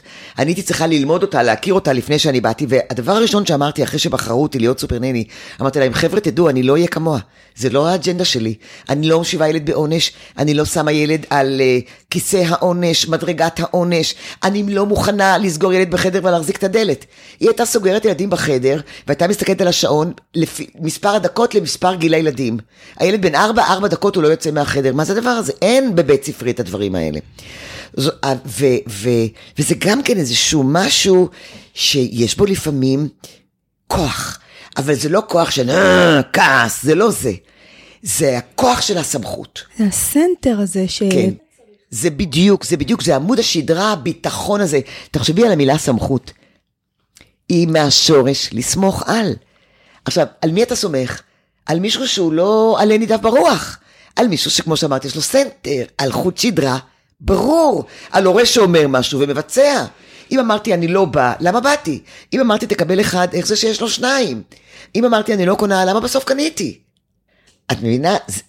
כך מאבדים אז, סמכות. אז אני חושבת אפילו מעבר לזה שמשהו בדמות שלך, בעצם היותך עוד לפני שאנחנו מדברים תוכן, במי שאת, את מהווה היום אה, אה, איזשהו מודל הורי עבור הדור שלנו, שכן, הוא קצת יותר אה, אה, גמיש, קצת יותר רך, ואת אומרת, חבר'ה, לפני שמדברים תוכן, כמו שאומרים שילדים אה, לומדים דרך חיקוי או דרך איזשהו מודל, אז אני חושבת שזה משהו מאוד חזק שאת מביאה אלינו, לדור שלנו. אה, אני מסכימה איתך, ואני רוצה להגיד לך גם בהמשך להשאלה והדימוי, כשיושבים מולי הורים, או בכל הפרקים שאנשים אה, אה, מכירים ורואים, מבחינתי, הם כמו הילדים שלי באותו רגע. זאת אומרת, אני, אני מיישמת עליהם בדיוק את מה שאני רוצה שהם אחר כך יישמו על הילדים שלהם. אני מהווה להם מודל הורי, כדי שאולי אם הם ירצו, הם יחכו, הם יאמינו בזה, הם יחשבו שזה טוב, ואז הם יעשו אותו דבר לילדים שלהם. ממש מבחינתי. אני רואה כל אדם מבוגר כאדם, כבן אנוש, כ- כבת חווה, כמישהו שאני לא יודעת איפה הוא גדל, כמה הרביצו לו, כמה השפילו לו, איזה עוולות עשו לה, מאיזה מצוקה הם גדלו, או מאיזה שפע הם היו והם נפלו. כל, כל מיני דברים שאנחנו אומרים, קלקלו אותם, או החיים הראו להם, אני לא יודעת. ונקודת ההנחה שלי, שקודם כל, הם בני אדם והם טובים בבסיסם, ואם הם יושבים מולי, הם רוצים לעשות משהו טוב, יש להם לפחות כוונה. להיטיב את הזוגיות, או להיטיב את מערכת היחסים בבית, או לייעל את ההורות שלהם למענם ולמען הילדים. גם אם הורה אומר לי, תלמדי אותי מה לעשות שהילד ישתף פעולה. זה לא בגלל שהוא רוצה רובוט או יסמן, זה בגלל שהוא רוצה שיהיה יותר נעים. זה בגלל שהוא רוצה להיות הורה יותר טוב, כי כרגע הוא רק צורח על הילד כל הזמן. גם אם הוא לא בדיוק אמר את זה לעצמו. אבל זה מה שאני רואה נגד עיניי, לכן אני תמיד מלאה אמפתיה. בשיא הקשיחות שלי, אני מלאה אמפתיה. מאוד. בעלי עוד, כש, עוד לפני שנהייתי, הרבה שנים לפני שנהייתי סופר נני, הוא היה אומר לי, כל החלקאים והנדכאים בסוף מגיעים אלינו הביתה. נכון, נכון. וזה משהו חברתי מאוד חזק שגם לימדתי את ילדיי, שכנראה היה מאוד חזק בבית. תרומה חברתית, עשייה למען אחר. אה, זה אצלי, זה, זה מאבא שלי. וואו. ההורים שלך אה, אה, היו עדים לפרסום שלך ולהצלחה הגדולה? לא. ההורים שלי לא היו בחיים כשהתחיל סופר נני, אמ, ו... אבל הם כן היו עדים, הם היו מאוד גאים בי, הם היו עדים ל... להתפתחות שלי, להתקדמות שלי. הם כבר ידעו שאני מנחת הורים מצוינת. הם, אה, כבר הייתי בטלוויזיה ב, בפינות אירוח, הייתי אצל עודדה דנין ואצל אפרת רייטן, ותקשיבי, במלחמת לבנון השנייה, כשהבנים שלי לחמו והבן שלי מפקד טנק, אחד מהבנים, והוא... בסבב הראשון הם, כל הגדוד הטנקים שלהם ברח עם הזנב בין הרגליים, וחברים נהרגו, ואז הם נכנסו פעם שנייה. לא, תקשיבי, בתוך כל זה אני ישבתי בפאנל והחזקתי את חוט השדרה שלי יציב, כדי לעזור גם להורים אחרים. שמי, הסיוטים שלי היו כשהבנים שלי היו בצבא, והבת שלי גם לוחמת וקצינה בצה"ל. תמיד שאלו אותי איך, איך, איך עברתי את, ה, את התקופות האלה ואת המלחמות האלה. ביום יום עברתי מצוין, כי תמיד ידעתי שאני אמורה לתפקד. בלילה הייתי חולמת שהם נשרפים בטנק. וואו. תקשיבי, לא יאומן. לא יאומן, באיזשהו מקום זה חייב לצאת.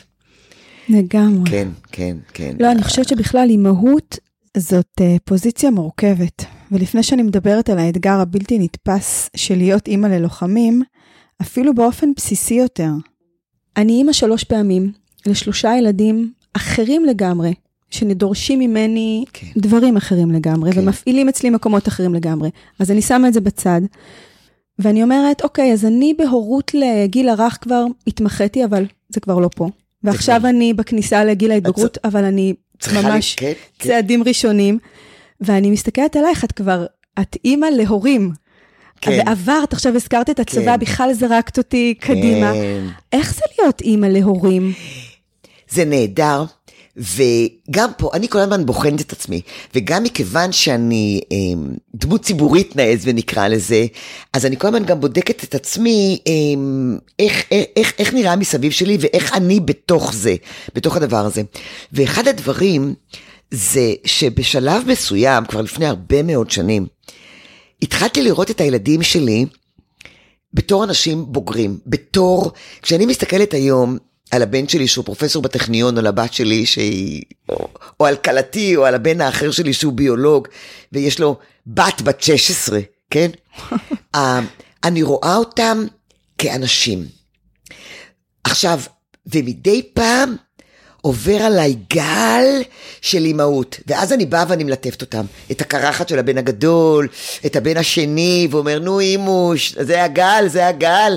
ממש, כן, גבר בן וואו. 40 קורא לי אימוש. זה, זה בדיוק הרגעים. אבל בעיקרון, כשאני מסתכלת עליהם או מדברת איתם, או שואלת איך בעבודה או מה קורה, בתחושה שלי אני עומדת מול אנשים מבוגרים, זה גם כן איזשהו סוג של אבולוציה של האימהות שלי. עכשיו זה גם ללמוד את הכלות ואת החתנים. תקשיבו, זה שני כן, דברים זה אחרים. סרט, אה, לי פה יש שני בנים, אני לא יודעת איך זה יקרה. אה, צריך, אני אומרת לך, צריך להשקיע בזה מחשבה ותכנון. מה אה, זה שייך המחשבה שלי ותכנון? הם יכולים... לא, איך להתנהג אל מישהו יביא לך. כן, כן, אני את תמיד. מכירה את הבדיחה? יש בדיחה עם הפולניה, לא. שהבן שלה בא, מביא שלוש נשים, מעמיד אותן, ואומר, אמא, אחת מתוכן היא ארוסתי, נראה אם את מנחשת מי, אז היא אומרת, זאת! ומצביעה על הימנית, הוא אומר, נכון, זה זאת, איך ידעת? אז האמא אומרת, "כי איך שאני רואה אותה, כבר אני לא סובלת אותה. זה, זה אפרופו, כן, זה... את יודעת, אפרופו לא להסתדר עם הכלה, אני אומרת שאחד הדברים, שאגב זה נמצא במחקר וזה מרתק, זה ששואלים הורים לפני שהם הורים, איזה הורה אתה חושב שאתה הולך להיות? ואחת התשובות הפופולריות ביותר, זה אני לא אהיה כמו, אימא שלי ואבא שלי. כן. ואחד הדברים שאני מתעסקת בהם מול אמהות, זה שזה ההבנה שלא חשוב מה אני אעשה, בסוף אימא שלי, גם אם אני אהיה הפוך ממנה, אימא שלי תמיד תהיה חלק ממי שאני. אז בואי בוא, בוא נקרא לזה אפילו אחר, זה ברור. תראי, קודם כל, גם אם אני עושה הפוך מאימא שלי, היא המודל.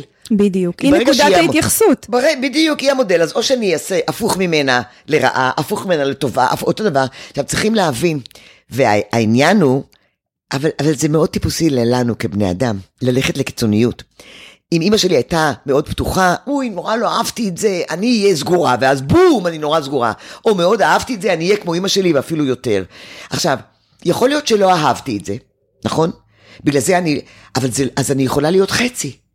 לא לגמרי הפוך, לא בקיצוניות השנייה. כן, יש לנו איזה רצון להיות מודל אה, מקצה שיפורים. אכן, נכון, אבל אז במקום, במקום, במקום לשבת ולחשוב, רגע, מה היה טוב בהורות שלה? בואו ניקח רק את זה, ושאר הדברים נעשה אחרת. אנחנו ישר בא- באוטומט הולכים על נכון. ההפוך. ויש איזו בהלה כזאת שפתאום אני מגלה שזה, זאת לגמרי. ואז אנחנו מוצאות עצמנו אומרות לילדים משפטים שאמרו לנו ולא סבלנו. והאימא שלנו יוצאת לנו מהפה, ברור, ברור. זה רק מראה כמה הילדות כל כך משפיעה וחורטת בתוך המוח שלנו, והמוח מחובר אל הרגש, כי אנחנו הרי הוליסטים, חורטת בתוך זה את היותנו. כמעט עד גיל 7-8, הילדים בעצם גיבשו את סגנון האישיות שלהם, וכבר יש להם מסקנות על כל משהו שמתרחש בחייהם. עכשיו, הם ישנו את זה עם הזמן, כי הם קטנים, הם עוד יתבגרו, אבל חלקים מהדברים האלה כן יישארו שם. זה השורשים והתשתית. זה לגמרי, זו באמת התשתית, משם אנחנו נווטנו, טוב, רע, אבל קודם כל זה זה. אבל מי שבאמת מוטרד, וזה דילמה, להיכנס לעמוד הפייסבוק שלי, מרכז מיכל דליות, להיכנס לאתר שלי, מיכל דליות, איתכם בבית, רואים שם את הפרצוף שלי, ברור, ואז יש שם אחד מהענפים שם, אה, זה דיגיטל. להיכנס ולהכיר את, ה, את המוצרים שלי, את, את הדברים האלה. זה מאוד מאוד כן. חשוב שזה מתאפשר עכשיו גם בתקופה שלנו. כן, כן. אני יכולה להגיד לך שעם רומי היה דבר אחד, ובדרך כלל אינטואיטיבית, אני, אני יודע, אני מגיבה בסדר, אני לא עושה פה נזקים, בוא נגיד את זה ככה בצניעות. והייתה פעם אחת, פעם אחת, לא מזמן, לפני כמה שבועות, שהרגשתי שזה יותר מדי מחובר לאתגרים שלי כילדה, מה שהיא מביאה. ואני אספר לך. היא אמרה לי, אמא, אני לא אוהבת איך שהג'ינס נראה עליי.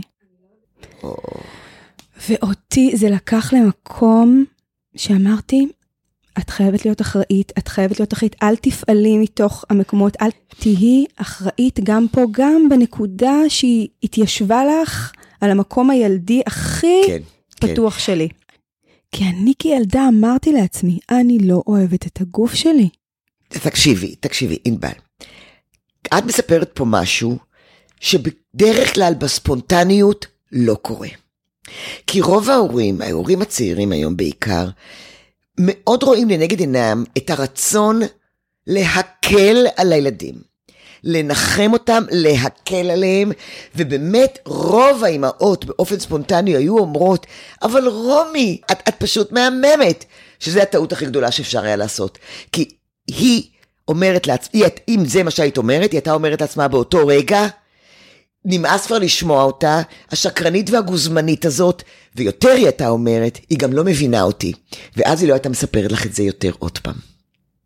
כי צריכים להבין, לא חשוב, לא רק זה, היא גם אומרת, בסדר, טוב, אז היא, או שהיא הייתה אומרת, בסדר, בסדר, את אימא שלי, תמיד אמהות חושבות שככה, אבל את לא רואה באמת מה שאני רואה. אה, ולכן טוב עשית שלקחת אוויר. ואנחנו באמת הרבה פעמים, שוב כי אנחנו בני אדם וכך אנחנו גם בנויים, מגיבים מהבטן, מגיבים מהלב, מגיבים מהרגש. את יודעת, אני אדבר איתך רגע על משהו ככה, קצת להבין בפסיכולוגיה של, של בן אנוש, שאת בוודאי מבינה כמי שדוקטור בענייני חינוך וחינוך ביתי. התגובה שלנו היא לא למציאות עצמה, אלא לפרשנות שלנו את המציאות. קודם כל, בואי, חיבוק לאימא, ואיזה מדהימה את שסיפרת לי. זאת התגובה. כך שאנחנו לא מגיבים לדבר עצמו, אנחנו מגיבים למה שעבר לי בראש שנייה קודם. ומה שעבר לי בראש לא תמיד רלוונטי לדבר. וכמו שאת זיהית שבעצם לו היית אומרת את זה, היית אומרת את זה מהמקום שלך כילדה בת 12, ולא ממשהו שיכול לעזור לביתך באותו רגע. תקשיבי, זאת חוכמה גדולה, וזה אחד מהדברים שאני עובדת עליו עם הורים. זה לוקח אותי אפילו לעוד מקום. את יודעת, אנחנו כהורים מתמודדים כביכול עם כל כך הרבה דברים, נקרא להם אובייקטיביים. יש ילד עם הפרעת קשב, יש לי ילדה עם רגישה ללקטוז, יש ילד עם הפרעת דיבור, יש ילד עם רגישות, לא משנה מה. אם אני אתייחס לדבר עצמו באופן קונקרטי, כן. אני, אני אפספס את הקשר, אני אפספס את היחס שלי לזה. אני מזהה שבכלל כל הבעיות והפתרונות נמצאים ביחס שלי לדברים, בפרשנות שלי את מה קורה פה. אם יש לי ילד כן. עם רגישות מסוימת, איך אני מתייחסת לזה? מה זה אומר עליהם? מה, זה, מה קורה פה במשפחה? מה, תראי, זה כמו, ניקח את הדבר הכי פשוט, זה כמו ילד ש, ש, שלמד ללכת, רץ, רץ, מועד ונופל. יש הורה שיגיד, אוי ואבוי, אוי ואבוי, אלוהים אדירים, מה קרה, מה קרה? הכל בסדר, אוקיי?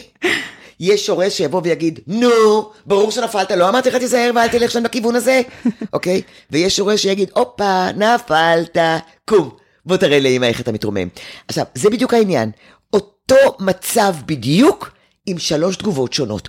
עכשיו, כל תגובה תואמת את הטיפוס ההורי המסוים הזה, שזה אומר שיש סיכוי שהתגובה הזאת תחזור שוב ושוב באותם מצבים. וזה מלמד את הילד. ולכן כל אחד מהילדים, כל ילד שגדל ב, ב, עם הורה אחר בתגובה שונה, יגדל אחרת. לגמרי, את יודעת, אחת הביקורות שהורים בחינוך ביתי חווים זה איך הילד יתמודד עם תסכולים. ואני אומרת לכל אחד כזה, אני מזמינה אותך לבוא לשעה אצלנו בבית ואתה תראה את מספר התסכולים שכל ילד עובר פה. התסכולים נמצאים כל הזמן, זה חלק מהחיים, הם מתוסכלים, כן, הם בוכים. כן. את יודעת, אחד הדברים שאני אמרתי, ש, שאני, כשהייתי עומדת בהרצאות מול 700 איש, 1,000 איש, 300 איש, לא חשוב, מתנסים 40 איש, ממש לא חשוב. כשאני עומדת בהרצאות, אני גם רוצה להחזיק את ההורים ככה ערניים, ואי אפשר לתת להם בראש כל הזמן. רק להכניס חינוך, חינוך, אקדמיה, אקדמיה. אז אני שוזרת בדיחות ודוגמאות מצחיקות וכל מיני דברים כאלה. ואז אני אומרת, בהרבה פעמים, תגידו, מה לדעתכם אחד התפקידים החשובים של הורים? אז הם אומרים לי, זה, זה, זה, ואז אני אומר, רגע, אני רוצה להגיד לכם עוד משהו. אני אומרת לכם, אחד התפקידים החשובים ביותר שלכם זה לתסכל את הילדים. כולם מתפוצצים לצחוק. ואז אני אומרת, תגידו לי, חבר'ה, אתם יודעים כמה תסכול יש בעולם הזה? אתם יודעים כמה תסכול יש בחיים האלה? ואם אתם לא תלמדו אותם עכשיו להתגבר על תסכולים, איך הם ישרדו? איך הם יצליחו? אז את מבינה, אני קודם כל עושה את זה כאילו קצת מצחיק, ואז, אבל אני באמת מאמינה בזה, אני לא אומרת שום דבר שאני לא חושבת שהוא באמת דבר נכון. אני רוצה שזה יהיה בארסנל של ההורים, וגם עכשיו הם אומרים, בסדר, בסדר, בסדר, עוד יומיים זה יקפוץ להם לראש עוד פעם. ואז אולי הם יחשבו, אם יהיו בנהיגה, יהיו רגע בשקט, ואז הם יחשבו על מה שאמרתי, ואז הם יגידו, וואלה, מעניין. Hmm, איך עושים את זה? זה לא כל כך נורא שהוא מתוסכל אה, כן, איך עושים את זה? וואי, זה נכון, אז רגע. אם הוא לא יודע להתמודד, הנה, כבר עכשיו הוא לא, מתס... הוא לא מצליח, והוא באמת התקפות זעם, מה? אז יהיו לו התקפות זעם שהוא יהיה בן 14, וואי, מה קורה פה? את מבינה? זהו, ואז זה... זה גורם להם לחשוב. כן. אבל זה באמת איזשהו פחד להיות בכאן ועכשיו, והרבה לחשוב על מה יהיה, ואז באמת התגובות הן הרבה פעמים ביחס ל...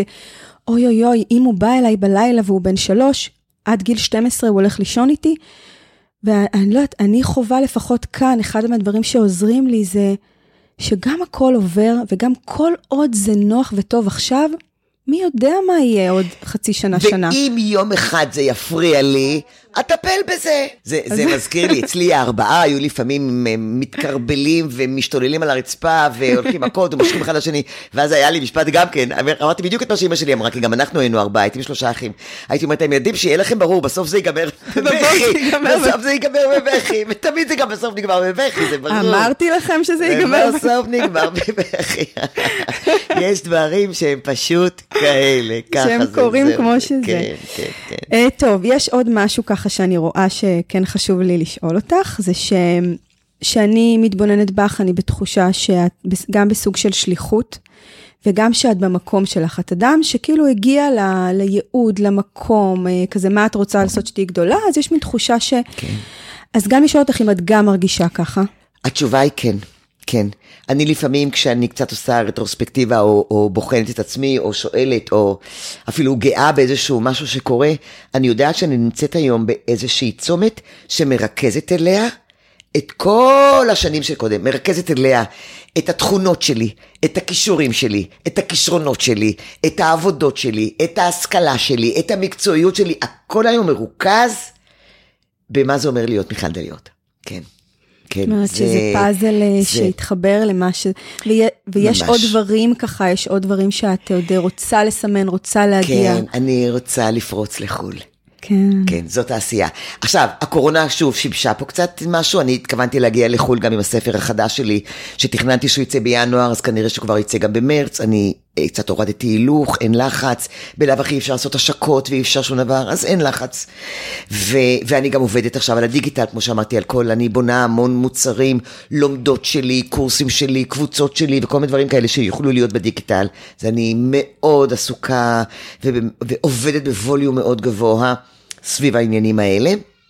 עובדת שזה אומר חושבת, נפגשת, כותבת, מצלמת, עורכת, אה, אה, מתכננת, בודקת, אה, באמת המון המון דברים. אה, אבל עדיין אני רוצה להגיע עם זה לחו"ל. את יודעת, אני רציתי, די בתחילת הדרך שלי, להיות מפורסמת. ורציתי להיות מפורסמת כי ידעתי שיש לי מה להגיד.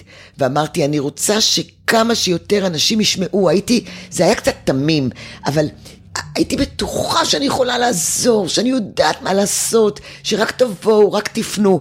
ולכן כתבתי במגזינים, ולכן הגעתי לפינות אירוח בטלוויזיה, והלכתי והתפתחתי, והלכתי והתקדמתי, ונהייתי סופר נני. את יודעת שנבחרתי מתוך 600 נשים? וואו. מהממות, יפות, צעירות, חכמות, משכילות. את יודעת להגיד למה, למה את? האישיות, משהו, משהו באישיות. אמר לי את זה העורך שלי אה, אחרי ארבע שנים. אחרי ארבע שנים הוא אמר לי, בואי תגידי, בואי תשמעי למה בחרתי אותך. הוא אומר, הייתם בסוף שלוש, מתוך השש מאות שבחנו אותם, ואני באותה תקופה עישנתי, זה היה לפני המון שנים, אני כבר המון שנים לא מעשנת, ובאותה תקופה עישנתי, הוא אומר, נכנסנו, לקחנו, הם לקחו את כל אחת מהנשים, מהשלוש שהיינו, אני לא ידעתי על, על האחרות, וממש נכנסנו לתוך בית, לתוך משפחה, וממש עשיתי שם סופר נני, זה גם צולם, אבל זה היה ברור שזה לא ישודר, גם המשפחה ידעה שזה לא ישודר, היא הסכימה להיות פיילוט, אוקיי? ו... ובאתי וישר, קודם כל, מיד הייתי שם. עם המשפחה, המצלמה, לא, לא ראיתי בכלל שרודפים אחריי עם מצלמה. לא עניין אותי, אני ראיתי רק את ההורים ואת הילדים. ממש לא ראיתי מה שלא היה בפריזמה שלי. הייתי כולי בתוך העניין הזה. ואז אחרי איזה שעה, שעה ומשהו, העורך אומר בוא נעשה טייק פאב, נצא להפסקת סיגריה. והוא אומר לי, כולם יצאו להפסקת סיגריה ואת לא, את נשארת עם ההורים. ו... והוא אומר, זהו.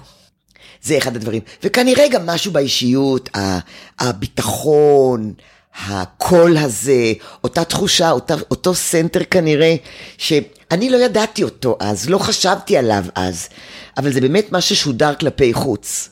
אני יכולה לחשוב שזה גם הסנטר המאוד חזק שאת מביאה, גם באופן אמפתי בלתי רגיל, את מכירה בקושי. את מכירה בקושי של הדור שלנו, את מכירה בקושי האובייקטיב, האינדיבידואלי של כל משפחה, ויותר מזה, יש בך משהו ש, שנותן תקווה. שאת אומרת, וואו. יהיה בסדר. יהיה, אני פה, יהיה, יהיה כן, בסדר. כן, כן. שזה נכון. מבחינתי... מקסימום אני אתן לכם מיד נלך ביחד, או רק תקשיבו, רק בואו נראה, או בואו נבנה את, ה, את הדרך שמתאימה לכם כדי ללכת לה בסדר. אה, נכון, ואת יודעת, אני מנסה לחשוב, גם, גם על זה אני מדי פעם חושבת, אני יודעת שאחד הדברים אה, שעומדים מאחורי, בואו נגיד, הפעילות המקצועית שלי ביום-יום, מול האנשים, מול ההורים, או מול ילדים גם, יש לי חיבור מהמם עם ילדים. ילדים... משם זה התחיל, נכון? כן, משם זה התחיל, כן. ו, ו, ועד היום. זה כמו שהנכדים מתקשרים, את יודעת מה זה בשבילי שהנכדה המתבגרת שלי הייתה מתקשרת אליי בדרך מבית ספר, בוכה בטלפון על אירוע שהיה לה עם החברות שלה, ובוכה. והיא מספרת לי, והיא רוצה לשמוע את דעתי, והיא רוצה רק לשמוע ממני את הקולות האלה שהיא צריכה לשמוע באותו רגע, גם של הנחמה, גם של העזרה, וגם בסוף אני אומרת, ממי, את צריכה עצה כרגע, או שאת רוצה להירגע ותחזרי אליי אחר כך, או כל מיני דברים כאלה, או יש לך רעיונות מה לעשות. כן, אין. אז, אז, אז, אז התחלתי להגיד שמה שמאוד מכוון את העשייה שלי, בכל המישורים, בדיון עם בני אדם, באמת, זה שאני יודעת, מאמינה, אף אחד לא יצליח לשנות את דעתי, שבכל בן אדם יש כוחות. בכל ילד יש כוחות. ואני בונה על הכוחות שלו.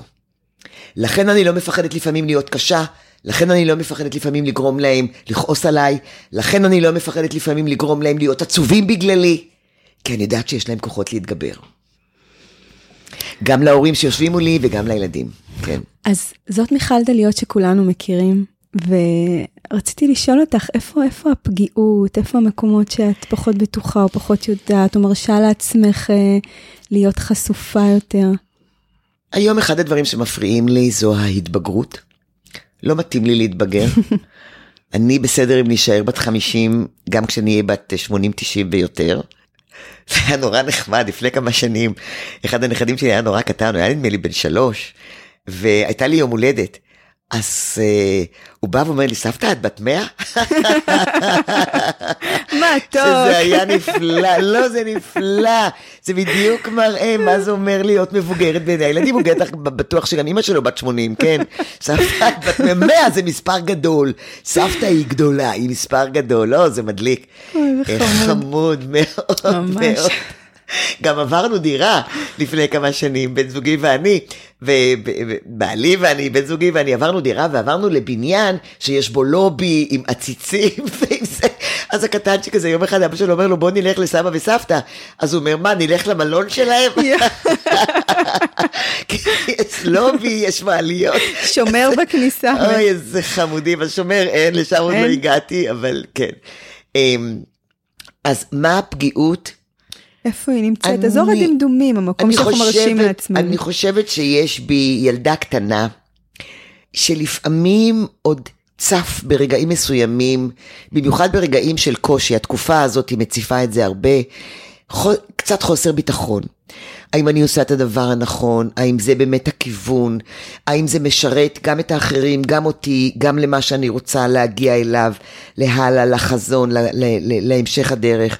אז יש איזה שהם פיקפוקים. זאת אומרת, אני בהחלט חוטאת עדיין גם בפיקפוקים. כשזה מטריד אותי אז אני גם מתקשה להירדם.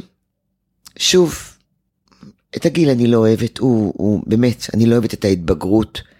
אני חושבת שיש לי כל כך הרבה עבודה עוד לעשות פה, אני כל כך רוצה גם להישאר אה, מלאה חיות ואנרגיות ותוססת. אני רוקדת. כן. אני מאוד אוהבת לרקוד, אנחנו מאוד אוהבים מוזיקה בבית ואני אה, רוקדת, אז אה, זה, גם, זה גם טוב מבחינה הורמונלית, זה מציף אותי ואנדורפינים, סרוטנין, כל הדברים האלה, זה גם עושה לי מצב רוח, זה גם טוב גופנית. אלה, אלה הרגעים לפעמים, הנקודות פתאום של הפקפוק, האם זה באמת נכון, האם זה מה שצריך, ומעניין שאין לי את זה כשאני פועלת מקצועית. יש לי את זה כשאני עושה דברים שהם יותר עבור עצמי, או שינויים בתוואי הדרך שלי. שם אני באיזשהו מקום של בחינה עצמית, ושם לעיתים אני גם... אה, עלולה לתת לחוסר הביטחון קצת לשלוט עליי, זאת אומרת, יש משהו ואני לא בטוחה בו, ואז מישהו בא ומבקר אותי, ואז אני רגע מכה את עצמי, רגע, רגע, אולי באמת, אולי זה, ואז אני צריכה להיזכר שנייה שאני בסדר ואני טובה ואני חכמה בזה דרך ואני מנסה, ומקסימום, מקסימום זה באמת לא מצליח והוא צודק, נקום, נמשיך הלאה. זאת אומרת, אני צריכה לגייס את הכוחות ש... שאני יודעת שיש בי, אבל אני צריכה להיזכר בהם. הסנטר הזה, זה משהו שהוא תמיד היה שם, גם כילדה? כנראה, כן. כן, כנראה. איזושהי עוצמה פנימית כזאת. אה, כן, ורק כשהייתי בת 40 וקצת, ועברתי שנה שלמה מודעות אישית ומקצועית בתוך מסגרת הלימודים שלי, כדי להיות את מה שאני היום, רק שם נזכרתי בכל מיני דברים הרבה פחות נעימים שקרו לי בילדות, שכנראה אילצו אותי להיות כזאת. את יודעת, אחד מהדברים למשל, שאני לא מדברת עליהם הרבה, זה שאני עברתי שתי לידות שקטות. Mm. אני בעצם, יכולים היו להיות לי שישה ילדים. ו, ו, וזה מסוג הדברים שאותי לא יחלישו. אני זוכרת שאחרי הלידה השקטה הראשונה שלי, שהתינוק מת לי בבטן בחודש השביעי, באתי ללדת והוא מת, תוך כדי, בחודש השביעי. כשהתאוששתי ואמרתי לרופאה, אבל דוקטור, אני רוצה להבין מה יש לי. אז היא אומרת, תקשיבי, הבדיקות כל כך לא נוחות, כל כך לא נעימות, כל כך לא טובות, וזה קורה לכל כך הרבה נשים, שאנחנו מניחים לזה, ואז אנחנו עושים את כל הבדיקות הפולשניות והלא נעימות האלה, רק אם חס וחלילה זה קורה פעם שנייה. אני זוכרת שאני הסתכלתי עליה, תקשיבי, הייתי בת 23. זה היה הלידה השנייה, והיה לי כבר ילד, היה לי בבית ילד בן שנתיים. אני זוכרת שהסתכלתי עליה ואמרתי לה, דוקטור, אני לא מוכנה שזה יקרה לי פעם שנייה כדי לנסות ולהבין למה זה קורה. אני עכשיו רוצה את כל הבדיקות האלה. ועשיתי אותן, ונכנסתי להיריון, אוקיי? וזה קרה לי פעם שנייה, אה, אחר כך בין, ה, אה, בין, ה, בין השני לשלישית גם. אני כן חוויתי דברים, אני כן יודעת, יש המון דברים שלא, ואני גם לא רוצה, חס וחלילה, אבל אני כן יודעת לעזור למשפחה של הורים שיש להם ילדה בת חמש ובתם בת השלוש חולת סרטן. והם יודעים שהיא תמות. אני כן יודעת לעזור, כי אני באה מתוך הכוחות. אני לא מבינה כלום בסרטן, אבל מבינה בבני אדם ובכוחות. ועל זה אני עובדת איתם. גם על הכוחות של הבת חמש וגם על הכוחות של ההורים. שתי לידות שקטות זה משהו כל כך לא פשוט אה, להחזיק בתוך הביוגרפיה. ותקשיבי, זה לא מעסיק אותי. אבל לא- גם אז זה לא העסיק אותך? כמעט ולא. אני רצה קדימה. אבל מה עם הלאבד, להתבונן, לכאוב את זה, ל... אז הייתי ועשיתי, לא הרבה, יותר עבדתי, השקעתי יותר את האנרגיות שלי אז, בגיל 23, בהלאה ובקדימה וב"אני רוצה ילד". הייתי עסוקה פחות בלהתאבל, יותר בלרוץ קדימה. ואני חושבת שכשהבנתי בשנות ה-40 שלי, גם מה הם, אותו, מה הם אותה, אותם דברים קשים שעברתי בילדות, אני מבינה שכנראה אז גם היה לי המקום הזה של רוצי קדימה והלאה, אל תתעכבי על מה שכואב. כואב, נכון. יאללה, את יכולה להתגבר. בואי נראה איך. כילדה קטנה, תקשיבי, אני לא יודעת אם זה בילט אין, אני לא יודעת אם נולדתי, אני לא יודעת אם זה חלק מטמפרמנט, אני לא יודעת אם זה בגלל שהיה לי אבא שהאמין בי מאוד. לא זה יודעת. כנראה שילוב של כן, זה דברים. שילוב של המון. שילוב של המון, בגלל שהייתה לי אימא לא עצמאית, ואני החלטתי שאני כן אהיה עצמאית. היית קצת ילדה הורית? אה, לא, לא, לא לא. הייתי צריכה. לא, לא הייתי צריכה להיות עדה הורית. כי היה את אבא.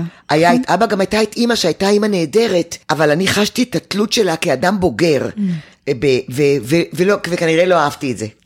ולי היה ברור שאני אהיה מאוד עצמאית. כן. כן, וזה מה שאני כל הזמן. וואו, מיכל, איזה כיף לשבת פה, אני חושבת שאנחנו יכולות עוד... כן, זה בלי כל סוף. כך הרבה. כן, וגם, וגם, גם, לא, לא, בדרך כלל אומרים, מגלה טפח מסתירה טפחיים, אז, אז גם, גם גיליתי עוד טפח, כן, פה כל מיני דברים שאנשים לא יודעים עליי. כי כולנו בסיכומו של דבר מורכבים ממי שאנחנו. ומי שאנחנו זה לא פשוט אף פעם, כי זה מורכב מכל החוויות שאנחנו חווינו, ואיך כל אחד מאיתנו פירש את זה באופן סובייקטיבי. לקח את זה לפעמים גם למקום אחר. לגמרי. אני רוצה להגיד לך אה, בהקשר הזה שני דברים שאני ככה אה, למדתי על עצמי, דרך הילדות גם לא, לא פשוטה שאני חוויתי, זה שאחד, אני בגיל 16 קמתי ועזבתי את הבית, ואני חושבת שכמובן שאני יכולה לחזור ולהגיד אוי אוי אוי, וגם אולי הייתי חוסכת מאותה ילדה כל מיני דברים. אבל היום אני יודעת להגיד שהרגע הזה לימד אותי שאני לא אהיה בשום מקום שלא טוב לי. או, לא חשוב מה, מה, מה תהיה הסיטואציה. וואו, זו חוכמה גדולה. זה משהו שאני מלמדת גם את ילדיי. ואני בעיקר חוויתי את זה במקומות עבודה. לא נשארתי איפה שלא היה לי טוב. לפעמים לקח לי קצת זמן להבין שלא טוב לי. כי בהתחלה לא הייתי שבעת רצון, ואז קצת הייתי מקטרת. אתה גם לא רוצה לוותר מהר על דברים, ואת לא כן. רוצה לוותר, ואת חושבת, רק רגע, וגם הפרנסה תמיד הייתה אישו. עד הרגע שזה ש... די! וקמתי והלכתי, ותמיד כשהייתי מחליפה מקומות עבודה, מבחינה כלכלית שילמנו מחירים מאוד יקרים במשפחה. אז, אה, אבל כן, גם אני. אני, אני, מגיע לי, מגיע לי שאני אייצר לעצמי את הטוב שלי, כמה שאני, כמה שאני יכולה, במסגרת התנאים, כי יש גם אילוצים, כולנו יודעות את זה, יש גם אילוצים. אז אה, רגע, אני רק אסגור את הקטע של, ה, כן. של הילדות הקשה, כי אימא כן. שלי היא מדהימה ומהממת היום, ואני רוצה להגיד שאחד השיעורים הכי משמעותיים שהיא לימדה אותי היום, אני לוקחת את זה למקומות אחרים, זה שתמיד אפשר לתקן. Mm. היו לנו יחסים מאוד מורכבים ומאוד לא פשוטים, ואני חושבת שאני הרווחתי אימא בגיל 30, והיום היא אימא מהממת וסבתא נהדרת, ואני חושבת שהשיעור שהיא לימדה אותי, וואו. שבכל שלב אפשר לתקן. אפשר לעשות את התיקון הזה מול הילד שלך, אתה תמיד יכול לבחור להיות ההורה שלו. עוד פעם. וואו, וואו. מעניין מאיפה לי יש את האמת הזאת, הפנימית, שהכל אפשר תמיד לתקן. הספרות והפסיכולוגיה מתארים את מערכת היחסים המורכבת ביותר בין שני בני אדם, זה בין אימהות לילדות שלהם. כל כך הרבה נכתב על זה. כן, כן. מחוברות, אימהות נכון, ובנות. כן, כן. הרבה מחקרים, הרבה ספרות על הדבר הזה. כן, זו מערכת יחסים מורכבת. לגמרי, גם זה שאימהות היא באמת, היא גם דינמית מאוד, דיברנו על זה, היא משתנה כל הזמן, את, עצמך, את, את לומדת את עצמך מחדש כל הזמן, וכנראה מול הבנות זה יותר מורכב. כנראה. אז uh, אני חושבת שלקראת סיום, אני רוצה uh, לשאול אותך, את מחזיקה זוגיות הרבה שנים, מהמם. וברור לי, בלי להכיר שום דבר, שלא תמיד הכל ורוד וזה בסדר, אבל ברור. בסך הכל, יש פה איזשהו קשר שהוא חזק מאוד. מהמם. ואחד הדברים שאני אה, מזהה היום, בעיקר אצל משפחות צעירות, זה גם שההורות לוקחת את הזוגיות, זה דבר אחד, כן, נכון. וגם שאני לא רוצה להגיד בקלות, כי זה שיפוטי ואני לא במקום הזה, אבל הרבה פעמים הורים סביב אתגרים וקשיים הוריים, שוקלים או מפרקים את המשפחות שלהם. נכון. אחד הדברים ואחד הנושאים שאני מדברת עליו, גם בתוך הקבוצות, גם כהרצאה שעומדת בתוך עצמה, גם מלמדת את התלמידות שלי, זה על זוגיות הורית. נקודת המוצא היא הנחה ברורה שאנחנו ממסדים קשר עם בן אדם שונה מאיתנו, והשונות הזאת תמיד תביא לחילוקי דעות. הבן תמיד. אדם הזה גם הולך להשתנות בהיותו הופך להורה. וגם, וגם אני הולכת להשתנות ולהיות. הורה, ואני לא יודעת איך, איך זה יעבוד עליי. לי אין שום בעיה עם חילוקי דעות, אני חושבת שזה גם פלורליזם נהדר שילדים יכולים לגדול לצידו. זה שאמא ואבא לא חושבים אותו דבר, זה סבבה לגמרי. העניין הוא איך זה בא לידי ביטוי, ואז נשאלת השאלה, איך אנחנו מגיעים להחלטות משותפות, שזאת הזוגיות ההורית. זה וזאת אומנות. וזאת אומנות, וצריך להבין, ויש, ויש פשרות, ויש ויתורים, ו, והבעיה בדרך כלל בחילוקי דעות, זה שכל אחד רוצה לשכנע את בן או בת זוגו בזה שהוא צודק, זה ברור שצריך להכין שיעורים, אף אחד לי בטוח ששיעורי בית זה מיותר, בשביל מה לריב עם הילד על שיעורים, וכל אחד מהם צודק, והמריבות הן שכל אחד מנסה למשוך לצד שלו, אני בכלל לא צריכה לריב, לי יש צידוקים נהדרים, למה שיעורי בית זה חשוב, ויש לי אחלה צידוקים, למה לא צריך לעשות שיעורי בית. זה בכלל לא חשוב אם... אנחנו צריכים להחליט, אז מה בסוף אצלנו בבית, עושים שיעורים או לא עושים שיעורים? ועל זה יושבים ומדברים. זה, זה בדיוק העניין, ופה מגיעים להחלטה. אחד המחקרים סביב אה, אה, זוגות שאני אומרת שורדים את תחילת ההורות בטוב, זה שהפרמטר היחיד שנמצא מובהק וחד משמעי שמשאיר זוגות אה, בהורות אה, טובה, זה שהם חברים טובים ביניהם. שזה לא יושב על תחרות, שזה יושב על חברות, כן. עכשיו, היא הולכת ומתעצמת ככל שהשנים עוברות. אבל שיש פה תחושה שאנחנו אחד בעד השני. כן. זה... טוב, מיכל, אמרנו ודיברנו וואו, כל כך אה? הרבה נושאים. ברור, ברור. ותמיד יש וואו. עוד על מה. כן, כן, האמת אפשר לדבר בלי סוף. אני רוצה להגיד לך המון תודה שהגעת לכאן. גם אפשרת לנו איזה מפגש אנושי כל כך אה, חסר בימים האלו.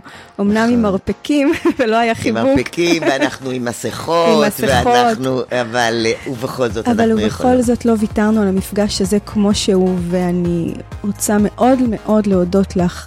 נתת לנו ככה תודה. את עצמך לזמן. תודה רבה. נהניתי ו- מכל רגע, ענבל, נהניתי. אני גם אוהבת לדבר על עצמי, שזה סבבה לגמרי, אבל אני גם, זה המקום הזה של שליחות שאמרת. אני, אני בשנים הראשונות שלי כ, כסופר נני, כיועצת משפחתית, כ, כאישה ש, שיכולה לעזור ולהדריך הורים, אה, הייתי אומרת שליחות ועושה את התנועה הזו עם הידיים של, אה, של מרכאות. היום אני כבר לא עושה את המרכאות, זו שליחות. ויושבת עליי לדעתי אחריות מאוד כבדה, אני מקבלת אותה באהבה, אני אעשה אותה הכי טוב שאני יכולה. וגם פה היום, המפגש הזה בינינו, אני מאמינה שיש בו כל מיני מסרים ותובנות והסכמות ואי הסכמות של כל האנשים והגברים. אני מקווה שגם יהיו הרבה גברים שבאמת מקשיבים לפודקאסט הזה. אני אוהבת את המילה בעברית, דרך אגב, הסכת. הסכת, כן, היא מילה חמודה, לא כזאת. שימושית, אבל היא חמודה. הסכת, כמו סך נכון. רחוק. הסכת תשמע. כן, אז, אה, אז נעם לי מאוד להיות כאן איתך ב- ב- תודה מיכל, בזמן הזה. לזה שאת. דמות ציבורית, את דמות ציבורית מאוד אהובה. תודה רבה, תודה. וואו, איזה כיף. אוקיי, אז תודה, בהמשך ימים שקטים. אמן. כל טוב.